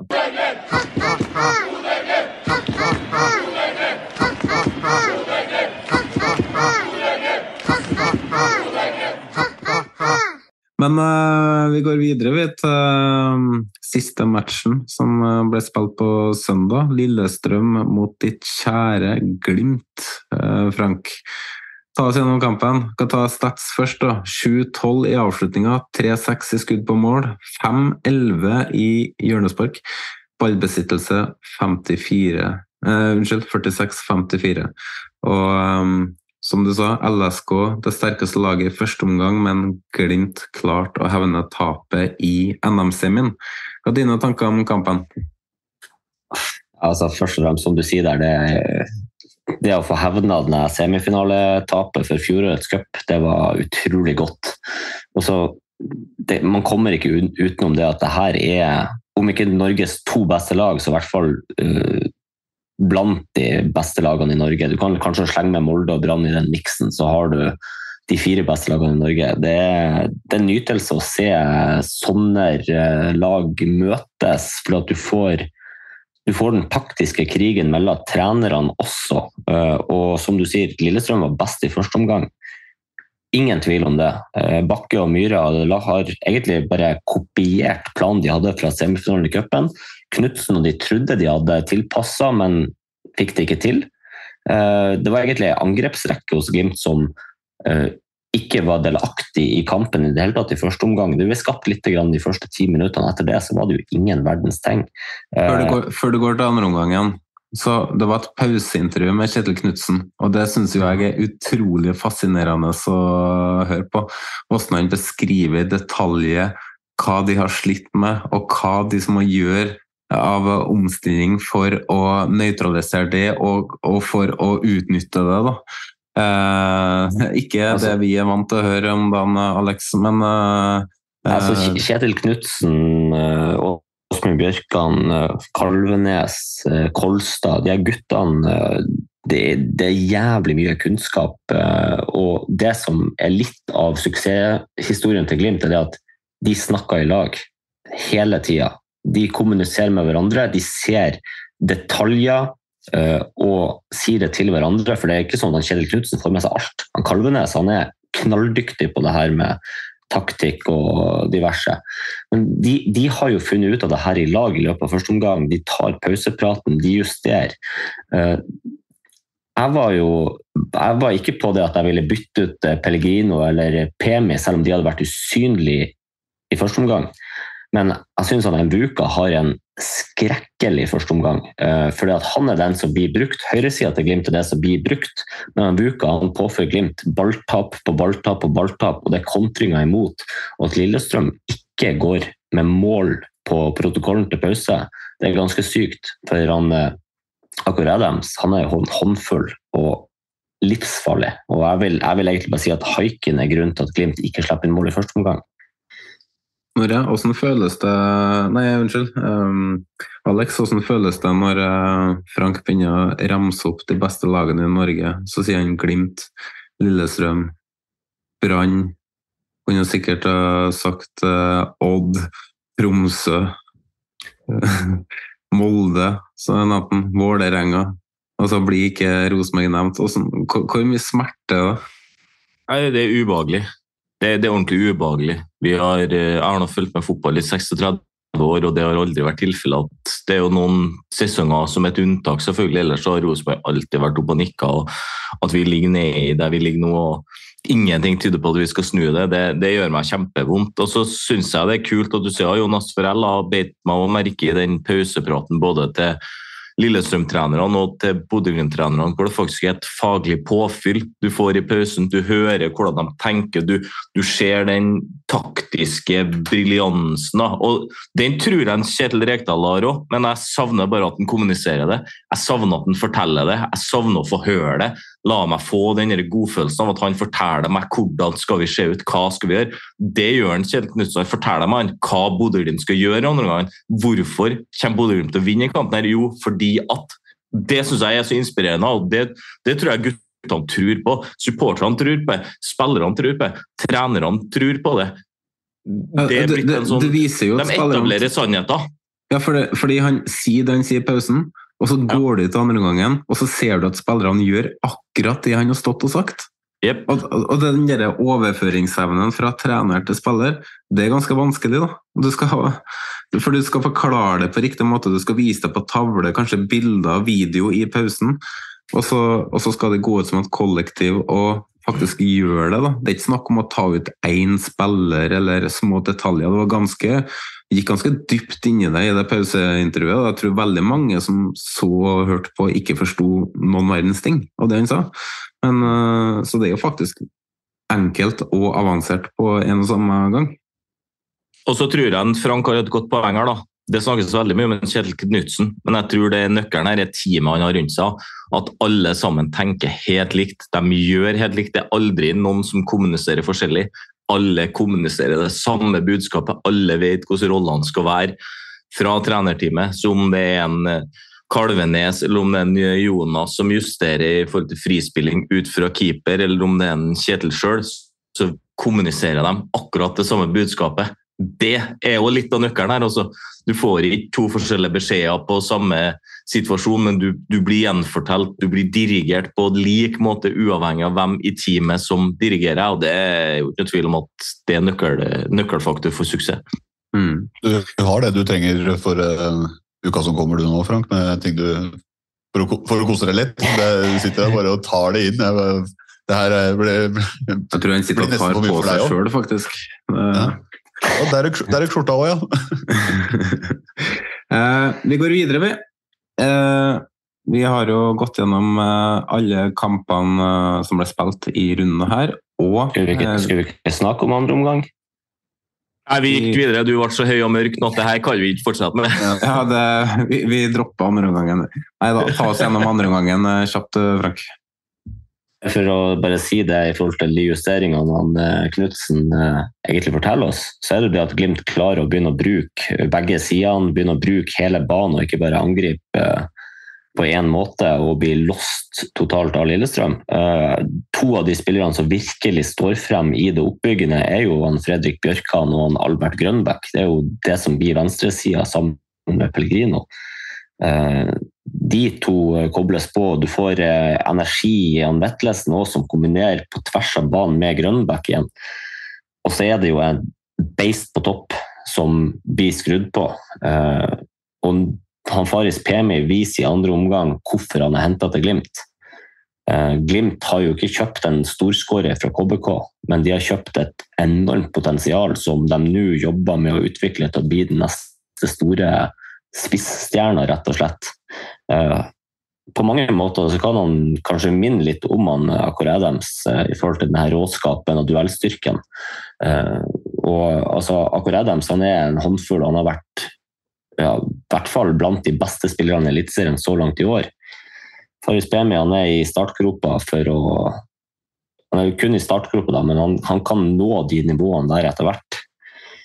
Uh, og så er det jo det er jo et mål Lillestrøm og skårer da, som må snakkes om, fordi at det er jo en spiller som Omar El Abdelawe. Hvor mye rutine har han? Det er sant? Han uh, sitter nede et par ganger i løpet av kampen. Uh, helt klart at han sliter med noe. Uh, så går han av banen. Uh, Brise med Mangomo er ikke klart å settes på, så Glimt må spille med ti mann. Kunne han satt seg ned for å fremprovosere det byttet, i stedet for å bare gå av? Uh, urutinert av Omar, urutinert av trenerteamet til Glimt. De har ikke klar innbytter.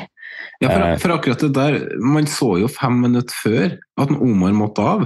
Ja, Han gikk men, og holdt seg til kroppen og gikk og dro på beina. Og, uh, og Bris var ikke klar i det hele tatt. Uh, Bris knota med å få på seg drakta, rett og slett. Men urutinert av spillerne på banen òg. For én er det at han Vetlesen må ned og være høyreback, men han Vetlesen må være høyre indreløper og høyre back samtidig. For han Patrick Berg og Grønbæk skyver ikke over og dekker det rommet til han Vetlesen på midtbanen. Det er én ting. I tillegg, Glimt har corner når han Omar går av. Slå den kort, hold ballen i laget, få tida til å gå, spill ballen ut igjen, sånn at de får en ny situasjon til å kunne gjøre bytte.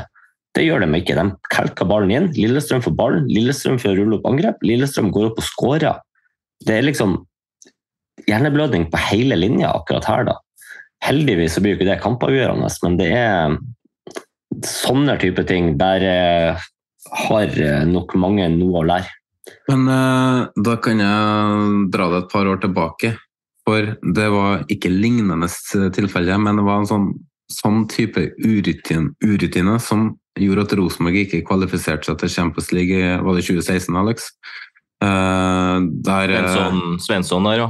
Ja, ikke sant. Altså, de, ja. De, de, burde ha løst den uh, mye bedre nå, men de vant kampen, og de kommer til å ta med seg læring av det der. da. Uh. Uten at de fikk en smell på det. Da kan men, jeg... men en ting er å gjøre det, en ting er å gjøre det der i hjemlig liga, men de må, de må, i hvert fall ta det med seg hvis de skal hevde seg i Europa. og Det gjelder alle norske lag. fordi at Når Glimt fått noen sesonger i Europa, og kynismen ute i Europa er så mye større. Så det, det, der er læring egentlig for alle norske lag som skal hevde seg. Har du dratt oss gjennom kampen da, Frank?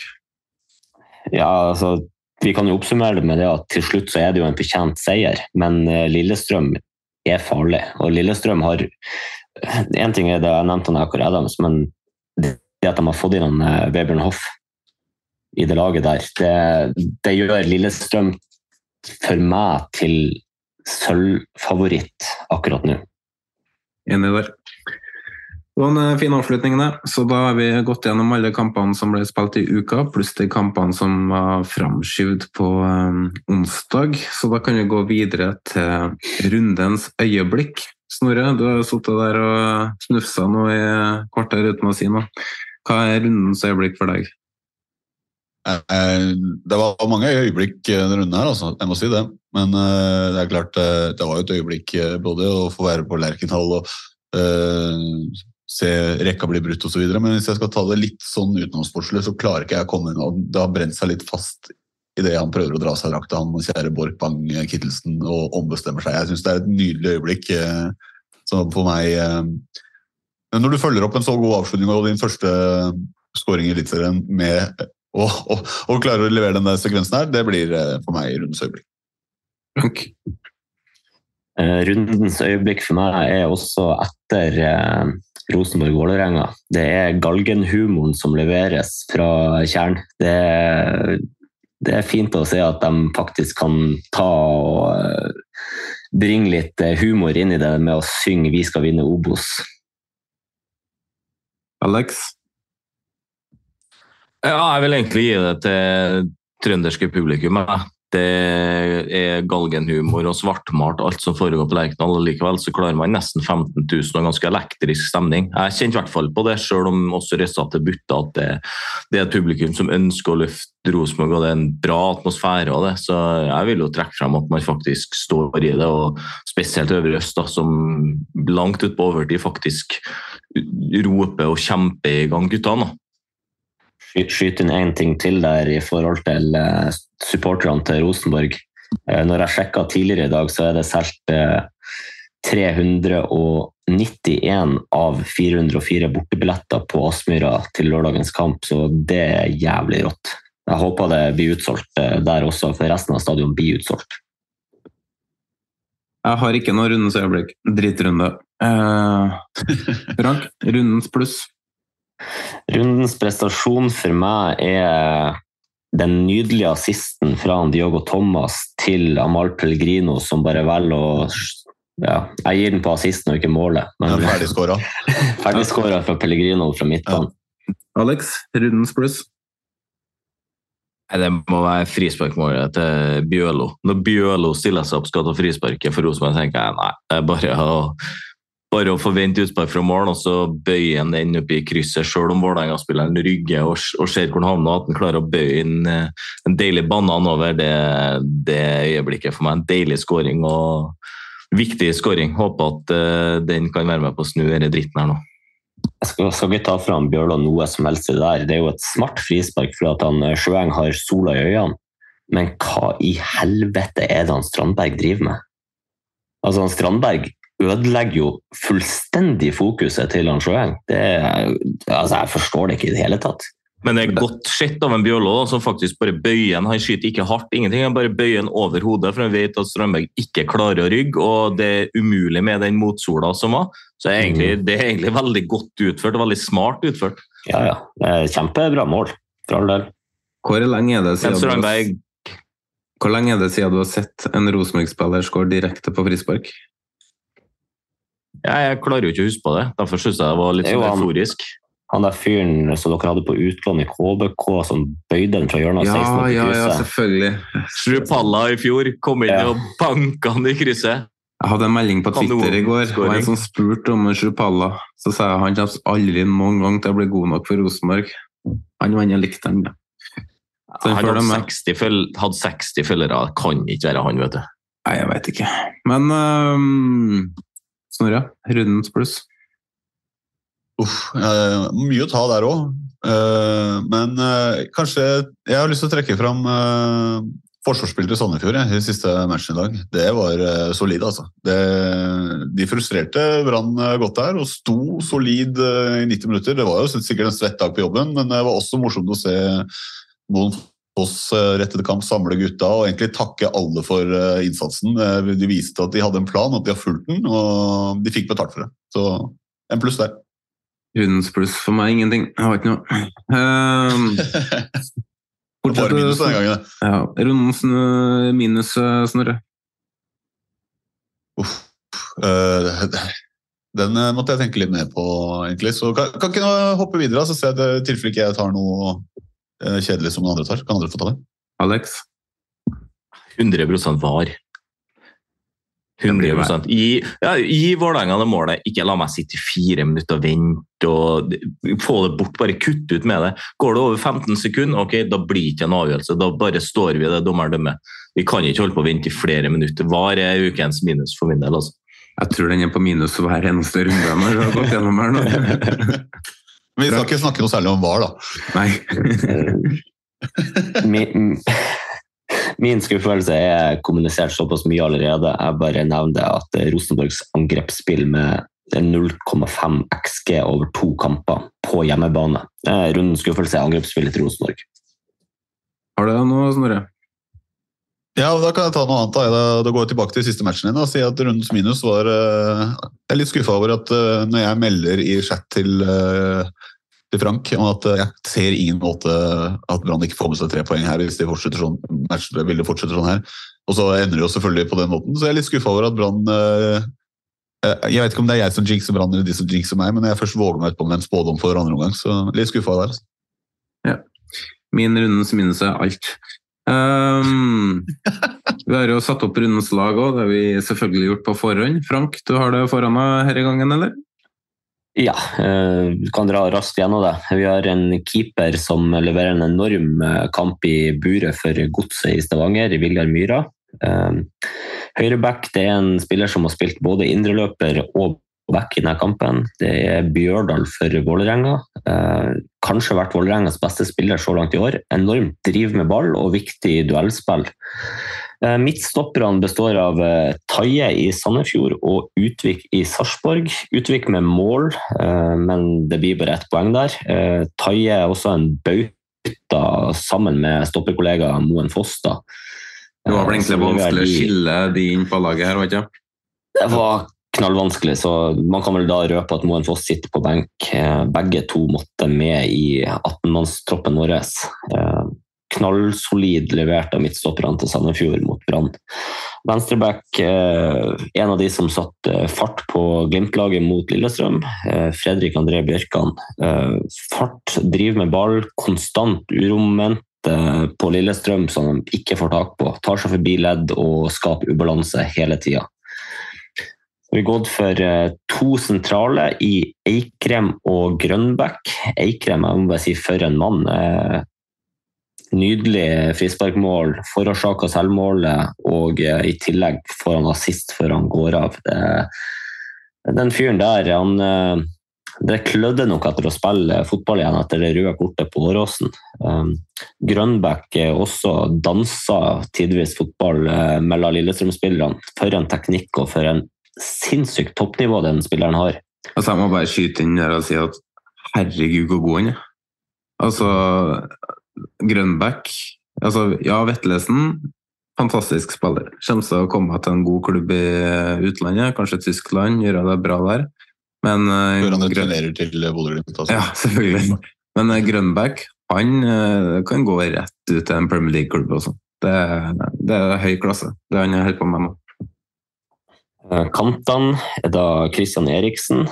Kraftpakka i Molde, som vender tilbake til Hamar og knuse sitt eh, kjære Kamma. Og på andre sida er det Gulliksen, som eh, var et eh, uromoment for Vikingforsvaret.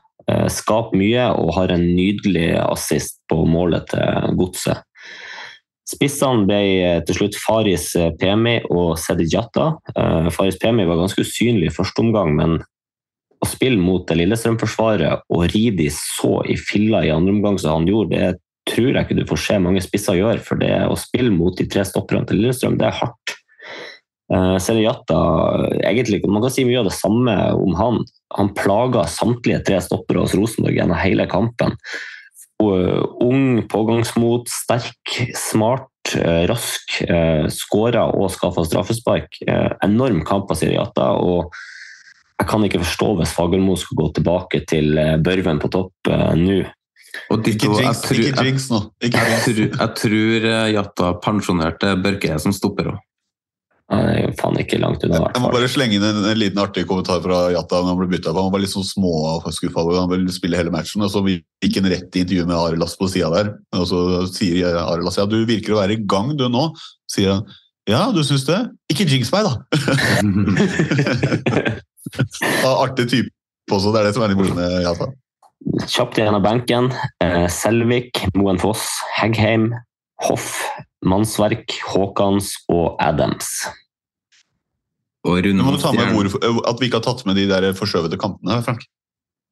Ja, det, de kampene som blir spilt i midtuka, altså det onsdag som var, er da satt opp til å bli vurdert i runde 17 og 18 når de kampene egentlig skulle vært spilla. Så børsnoteringene for de kampene har vi bare laga et like, lite dokument på og tar med oss til den runden spilles. Og så har vi noen stjerner som skal deles ut. Ja, rundens stjerner. Det ble tre stjerner på Magnus Wolff Eikrem. Eh, enormt for det Molde-laget. Viktig å få han tilbake i laget. og eh, Som vi har vært inne på, Molde har egentlig sett god ut i hele år, men de ser ekstremt gode ut med Eikrem på laget. Uh, to stjerner og til Uten Berisha, må ta med det. Uten Berish. Eh, to stjerner til eh, Sediata for innsatsen hans på topp for Vålerenga. Eh, som jeg egentlig nevnte når vi snakka om laget i stad. Ser ut som Vålerenga virkelig har fått i gang en skikkelig, skikkelig spissstjerne der. Og siste stjerna havna på eh, stopperen eh, i dag i kveldens kamp eh, i Bergen, Jesper Toje. Enorm kamp sammen med stopperkollega Moen Foss. Så Jesper Toje tar med seg ei stjerne etter denne runden her. Den 69.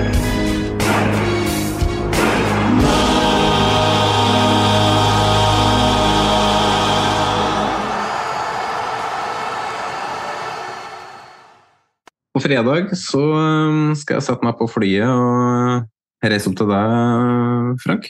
Snorre kommer med tog. Eh, Og på kvelden så skal vi eh, rett og slett ha liveshow på Bådin. Døren Dørene åpner klokka åtte. Eh, Der er det mulig å forhåndsbestille billetter. Koster 200 kroner stykk. Eh, Vi har fått bekrefta at på scenen så får vi med Jonas Kolstad, eh, keepertrener i Glimt. Altså Rosenborg-supporter Roger Bremnes, og så var det en Glimt-supporter, Frank? Uh, Andreas Trolig. Ja. Og så um, venter vi på svar fra Ørjan og Runar Berg, men uh, de trodde de fikk det til. De skal bare dobbeltsjekke på eh, hjemmebane, men de var veldig positive. Og så får vi høyst sannsynlig med en spiller fra Glimt, så vi har jo egentlig lagt ut et ønske om å få Ulrik Saltnes, som er skada. Eller om det er mulig å få med reservekeeper Julian Faye Lund, som har en bakgrunn eh, fra Rosenborg. eh, Da. Så da, da får vi gode folk på scenen, så vi har eh, trua på at det blir bra. Gleder deg, Snorre? Ja, altså Første gang jeg møter Frank fysisk, blir jo nærmest på den scenen selv, så det blir jo det blir interessant, det. Ja, Men det er, nei, det, klart det blir gøy. Ja, jeg gleder meg. jeg. Jeg gleder meg faktisk litt til å se Bodø by òg, så Nei, nå, nå, nå, nå har denne bo- runkinga for denne episoden gått så langt at du begynner å snakke positivt om byen også. Jeg sa ikke det, jeg sa, jeg sa at jeg gleder meg til å se det. Altså, jeg gleder meg til hvite busser i Auschwitz òg, så det er jo, det er jo Jeg, jeg tenker at du, du- du er ikke frisk. Det er jeg som kanskje er sjuk, men du er ikke frisk. Nei, det er sant. Men eh, det er en runde som kommer til helga òg, en litt uvanlig runde. For eh, den må jo bli eh, holdt litt tidligere pga. 16. mai-kampene. Så første kamp er fredag klokka 19.00. Odd mot Lillestrøm. Og så får vi runden med resten av kampene på lørdag. Og Det er jo Glimt-Rosenborg som vi kanskje ser mest fram til. Eller jeg gjør ikke Jeg gruer meg som faen. Jeg hadde ikke lyst til å dra på den engang. Jeg- og Jeg må jo det, selvfølgelig, men eh, jeg, Du kan jo gå på den presseakkrediteringa og så bare stille alle spørsmålene du ellers fyrer løs på Twitter i den der eh, spilletunnelen. Ja, får se hvor tøff jeg er i kjeften, da. Men, eh, men eh, det der blir en lidelse som Rosenborg-supporter. Jeg har null trua. Det er ingenting som tilsier at Rosenborg skal få med seg noe Jeg gleder meg så mye til å sitte ved siden av deg nå. Ja, det blir eh, Har du trua, Alex? Det som er så rart med Rosenborg og, og Rekdal, er jo at de kampene jeg frykter at vi får juling, så har vi jo vært sånn høvelig solid. Jeg frykta Molde borte ekstremt, da vi tidvis har blitt herja rimelig brukbart med de siste årene. Men eh, der gjør vi en, en godt taktisk gjennomført bortekamp. Og de siste to årene så har vi jo vært sånn høvelig, høvelig solide og overraska i Bodø. Jeg tror det kan passe Rosenborg godt at Bodø-Glimt tar sånn ekstremt fokus på eget spill og ønsker å, å tømme laget, sånn som de gjør. Det, hvis vi er påskrudd, så håper jeg at vi kan utnytte de få mulighetene vi kommer til å få. For vi får en mulighet eller to, men vi er nødt til å ta vare på den. Jeg skjønner hva du sier der, men jeg ser bare ikke hvordan Rosenborg skal klare å straffe dem. For uh, vanligvis så finner man et eller annet man kan gjøre på, som kan, man kan spille på. Sånn som i fjor. Tok de på høye presset tidvis i første omgangen, som vi fikk se på mobilkameraet til Jonas Berg Johansen. Um, og overganger, f.eks. Men jeg, har, jeg tror ikke jeg har sett en eneste god overgang fra Rosenborg. her. Altså, ingenting som tyder på at de skal evne å kontre inn noe. Da må det være at eh, Nelson plutselig bestemmer seg for å eh, komme med en bevegelse som utløser en pasning. Eh, Det har jeg ikke sett han gjort ennå. Så um, uh, Men det er vel synonymt for hele Rosenborg at det er pasningen som har utløst løpet, og ikke motsatt. Mm. Det har jo vært kanskje største sykdomstegn i år. Men vi har Flere. kamper. Vi har flere kamper. Vi har Kamma mot uh, Tromsø, Molde mot Godset, Sandefjord mot Viking, Sarpsborg 08 mot Brann. Og så har vi Stabæk igjen på Nadderud mot Ålesund. Herregud, hvor jeg gleder meg til den kampen. Og så er det FK Haugesund mot Vålerenga. Er det noen kamper å se opp for, uh, bortsett fra um, Glimt-Rosenborg, Frank? Ja, det er jo en fin meny. Uh, Bitt meg spesielt merke i den fredagskampen Odd-Lillestrøm. Uh, fordi at uh, Lillestrøm er, som nevnt tidligere, laget med 11-11 i eh, mål for og imot så langt. Og Odd har skåra tre og sluppet inn to og har fem smultringer på seks kamper. Jeg er veldig spent på hvordan de lagene står til hverandre. Det er jo eh, like formasjoner som møtes også. Jeg ser også, Naturlig nok så ser jeg også på de andre kalde topplagene når jeg ser på i forhold til Glimt. Så ser jeg også den Sarpsborg-Brann-kampen. Brann også møter et lag som har sluppet inn lite mål hittil. Eh, Sarpsborg eh, er egentlig for meg en av skuffelsene i så måte, fordi at jeg hadde forventa at det var de som hadde 11-11 i målforskjell, og ikke hva det er 3-3 eller hva det er de har. Det, så de to kampene ser jeg spesielt på, da, selvfølgelig. Og så, så tror jeg jo Jeg tror Molde er i gang, og klart Godset fikk med seg litt selvtillit fra, fra eh, Stavanger nå. Jeg tror, jeg tror Molde kjører over dem. Og så nytt oppgjør med to pressa trenere, da. FK Haugesund, Vålerenga og Snorre. Ja, presset avtok nok eh, ørlite grann på Fagermo, men er vel eh, tilbake i full styrke hvis du ryker på en eh, smell eh, der. Så jeg tenker for Vålerenga sin del så er det en viktig kamp hvis man har lyst til å melde seg på på øvre halvdel igjen. Også er det viktig for å skape litt blest i den kampen som kommer etterpå mot Kamma 16. mai. Ja, nå tror jeg det blir bra besøkt, men jeg tror ikke det skader hvis man hadde dratt med seg tre poeng. Men også tenker jeg er, Man har alle muligheter da, hvis man ser hvordan FK Haugesund faktisk fremstår nå. Eh, Jeg syns Vålerenga har spilt eh, ja, tre gode omganger eh, når man har hatt elleve mann, så det er muligheter. Men det er jo også ja, typisk bananskall da, som ligger der, eh, så jeg tar ingenting for gitt. Men eh, jeg gleder meg selvfølgelig til den kampen på flere måter nå enn eh, jeg kunne ha gjort hvis man hadde sittet der og tapt på Lerkena sist. Så. Men jeg er enig med mye av det Frank sier. Det er klart det er jo et par kamper der som skiller seg litt ekstra ut, men eh, kanskje ekstra den der, hvis jeg skulle velge litt sånn helt random av de som er der, er jo Sandefjord 08 og Brann. eh, Det kan bli fyrverkeri. Mm. Sandefjord 08. Nei, nå, ikke sant? Det er, nå begynner feberfantasien. Sandefjord 08, Sarpsborg 08. Selvfølgelig. Unnskyld. eh, Jeg er bare så sykt eh, inne i Sandefjord-verdenen etter dagens kamp. Det er det. Jeg har blitt så sykt opptatt av Sandefjord. Men San Sandefjord-Viking kan jo faktisk bli en litt kul match, da. Hvis vi får se det offensive arsenalet til Viking og den defensive, heroiske innsatsen til Sandefjord, så kan det jo faktisk bli en, en litt underholdende kamp, tror jeg. da.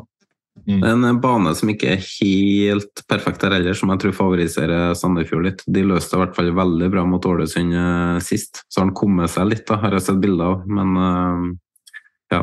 Sammenlignet med Nadderud så er det jo plen. da. Så et bilde som ble lagt ut i går, der, og da begynner det å se bedre ut. Ja, det har vært eh, fint vær her nå siste tida. Sol og varmt, så det, det har vært bra for banen. Men eh, noe annet fra runden som kommer? Nei. Vi trenger, vi trenger ikke å snakke om Tromsø. Nei, da gjør vi ikke det. Eh, vi skal over på en ny spalte, vi, som vi spikra litt sammen. Tre kjappe. Alex skal svare kort og fort. Hvem blir ok, det her blir ikke kort, da. Hvem blir toppskårer for Rosenborg i 2023? Ole Sæter.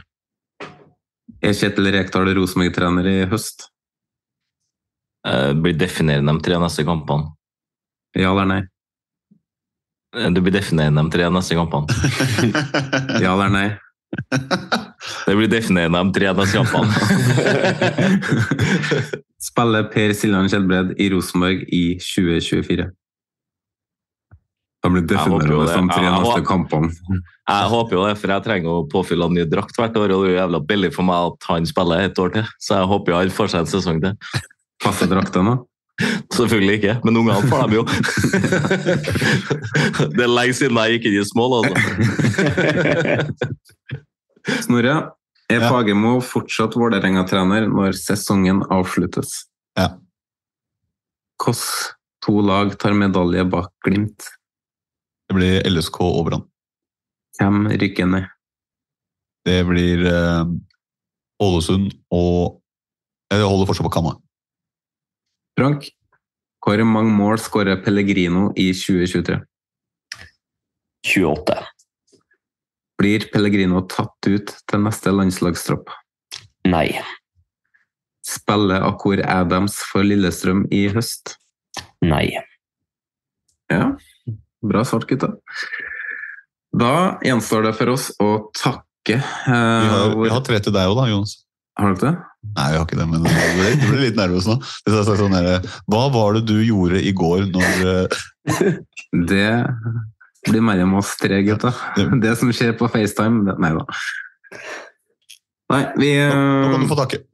Ja, vi må takke våre faste bidragsytere, og da Iver Steinsvik. Han eh, likte ikke å bli kalt for Twitter-troll eh, sist, men eh, fakta er vond for alle. Jan Erik Må- Bolto må må Kondol kondolerer han Iver også, som mista faren sin. Ja, selvfølgelig. Uh, kondolerer til, til Iver. Veldig bra mann. Jeg gleder meg til å møte ham når vi skal opp til Bodø. Der syns jeg fotballfamilien er fin. da. Du ser man er rivaliserende på Twitter og melder drit og lort, men med en gang det er sorg inn i bildet, så hiver alle lagsupportere seg på og gir en varm hilsen og en, en god hånd rundt skuldra. Så det er fotballfamilien hans. Det er hyll, tre ganger hyll og kort applaus, spør du meg. Mm.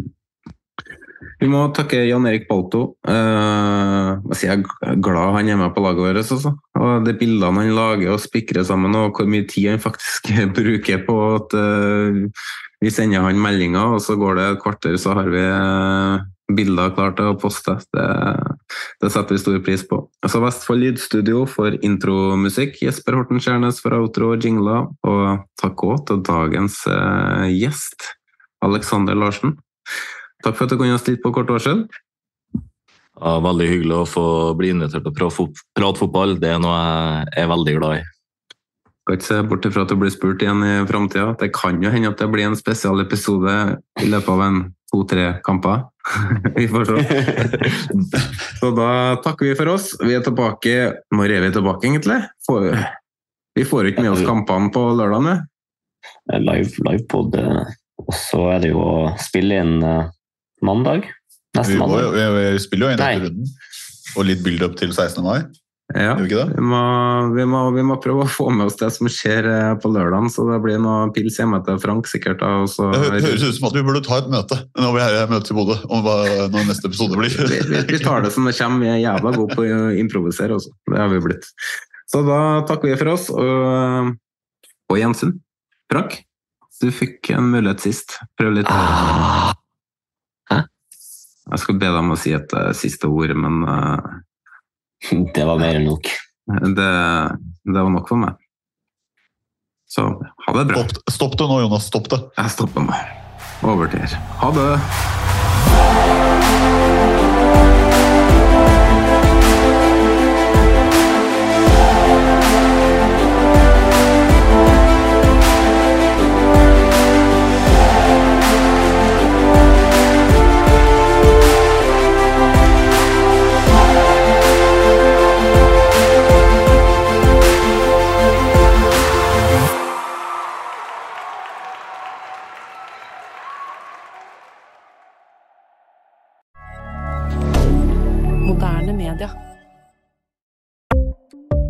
Ukens annonsør er HelloFresh. HelloFresh er verdens ledende matkasseleverandør og kan være redningen i en travel hverdag. Mange av oss har nok vandret i butikken både sultne og uten en plan for middagen, som ender med at vi går for de samme kjedelige rettene gang på gang. Middag burde være dagens høydepunkt. Som Hello Fresh kan du nå velge mellom 25 ulike retter hver eneste uke, eller få Hello Fresh til å sette sammen menyen for deg. Dette gir deg muligheten til å prøve nye og spennende retter alene eller sammen med familien. Du velger antall porsjoner og får alt levert på døren på et tidspunkt som passer for deg. Oppskriftene er enkle, og maten er lett å lage både for store og for små. Ved å få alt levert hjem får du også mer tid til å dele matgleden med familie og venner. Kanskje det frister med asiatiske tacos eller greskinspirert kylling? Da kan jeg anbefale deg om å gå inn på hellofresh.no. Her kan du bruke koden FOTBALL og få opptil 1779 kroner i rabatt på de første fem matkastene hvis du ikke har prøvd Hello Fresh tidligere. Du kan også bruke rabatten hvis du har vært kunde og stoppet abonnementet ditt for tolv måneder siden eller lengre. Gå inn på hellofresh.no og bruk koden FOTBALL. Ukens annonsør er Folio, en smartere banktjeneste for deg som har en egen bedrift eller ønsker å starte for deg selv. Folio er en superenkel nettbank for bedrifter. Som kunde i Folio får du en bedriftskonto med et bedriftskort og app. I denne appen er det smarte løsninger som forenkler regnskapet ditt, uansett om du har en liten bedrift eller et enkeltpersonsforetak. Folio er både intuitivt og brukervennlig, og er laget med et enkelt språk. I tillegg tilbyr de forutsigbare priser og ingen skjulte gebyrer. Skulle du likevel trenge det, så kan du snakke med deres raske og hyggelige kundeservice, og der får du prate med en faktisk person og ikke en chatbot. Folio er med andre ord både enklere og koseligere enn banken. Over 10 000 bedrifter har allerede valgt Folio som sin banktjeneste, så besøk folio.no og se hvordan Folio kan forenkle din hverdag også. Har du et enkeltpersonforetak eller en liten bedrift? Da er du sikkert lei av å høre meg snakke om hvor enkelt det er med kvitteringer og bilag i fiken, så vi gir oss her, vi. Fordi vi liker enkelt. Fiken superenkelt regnskap.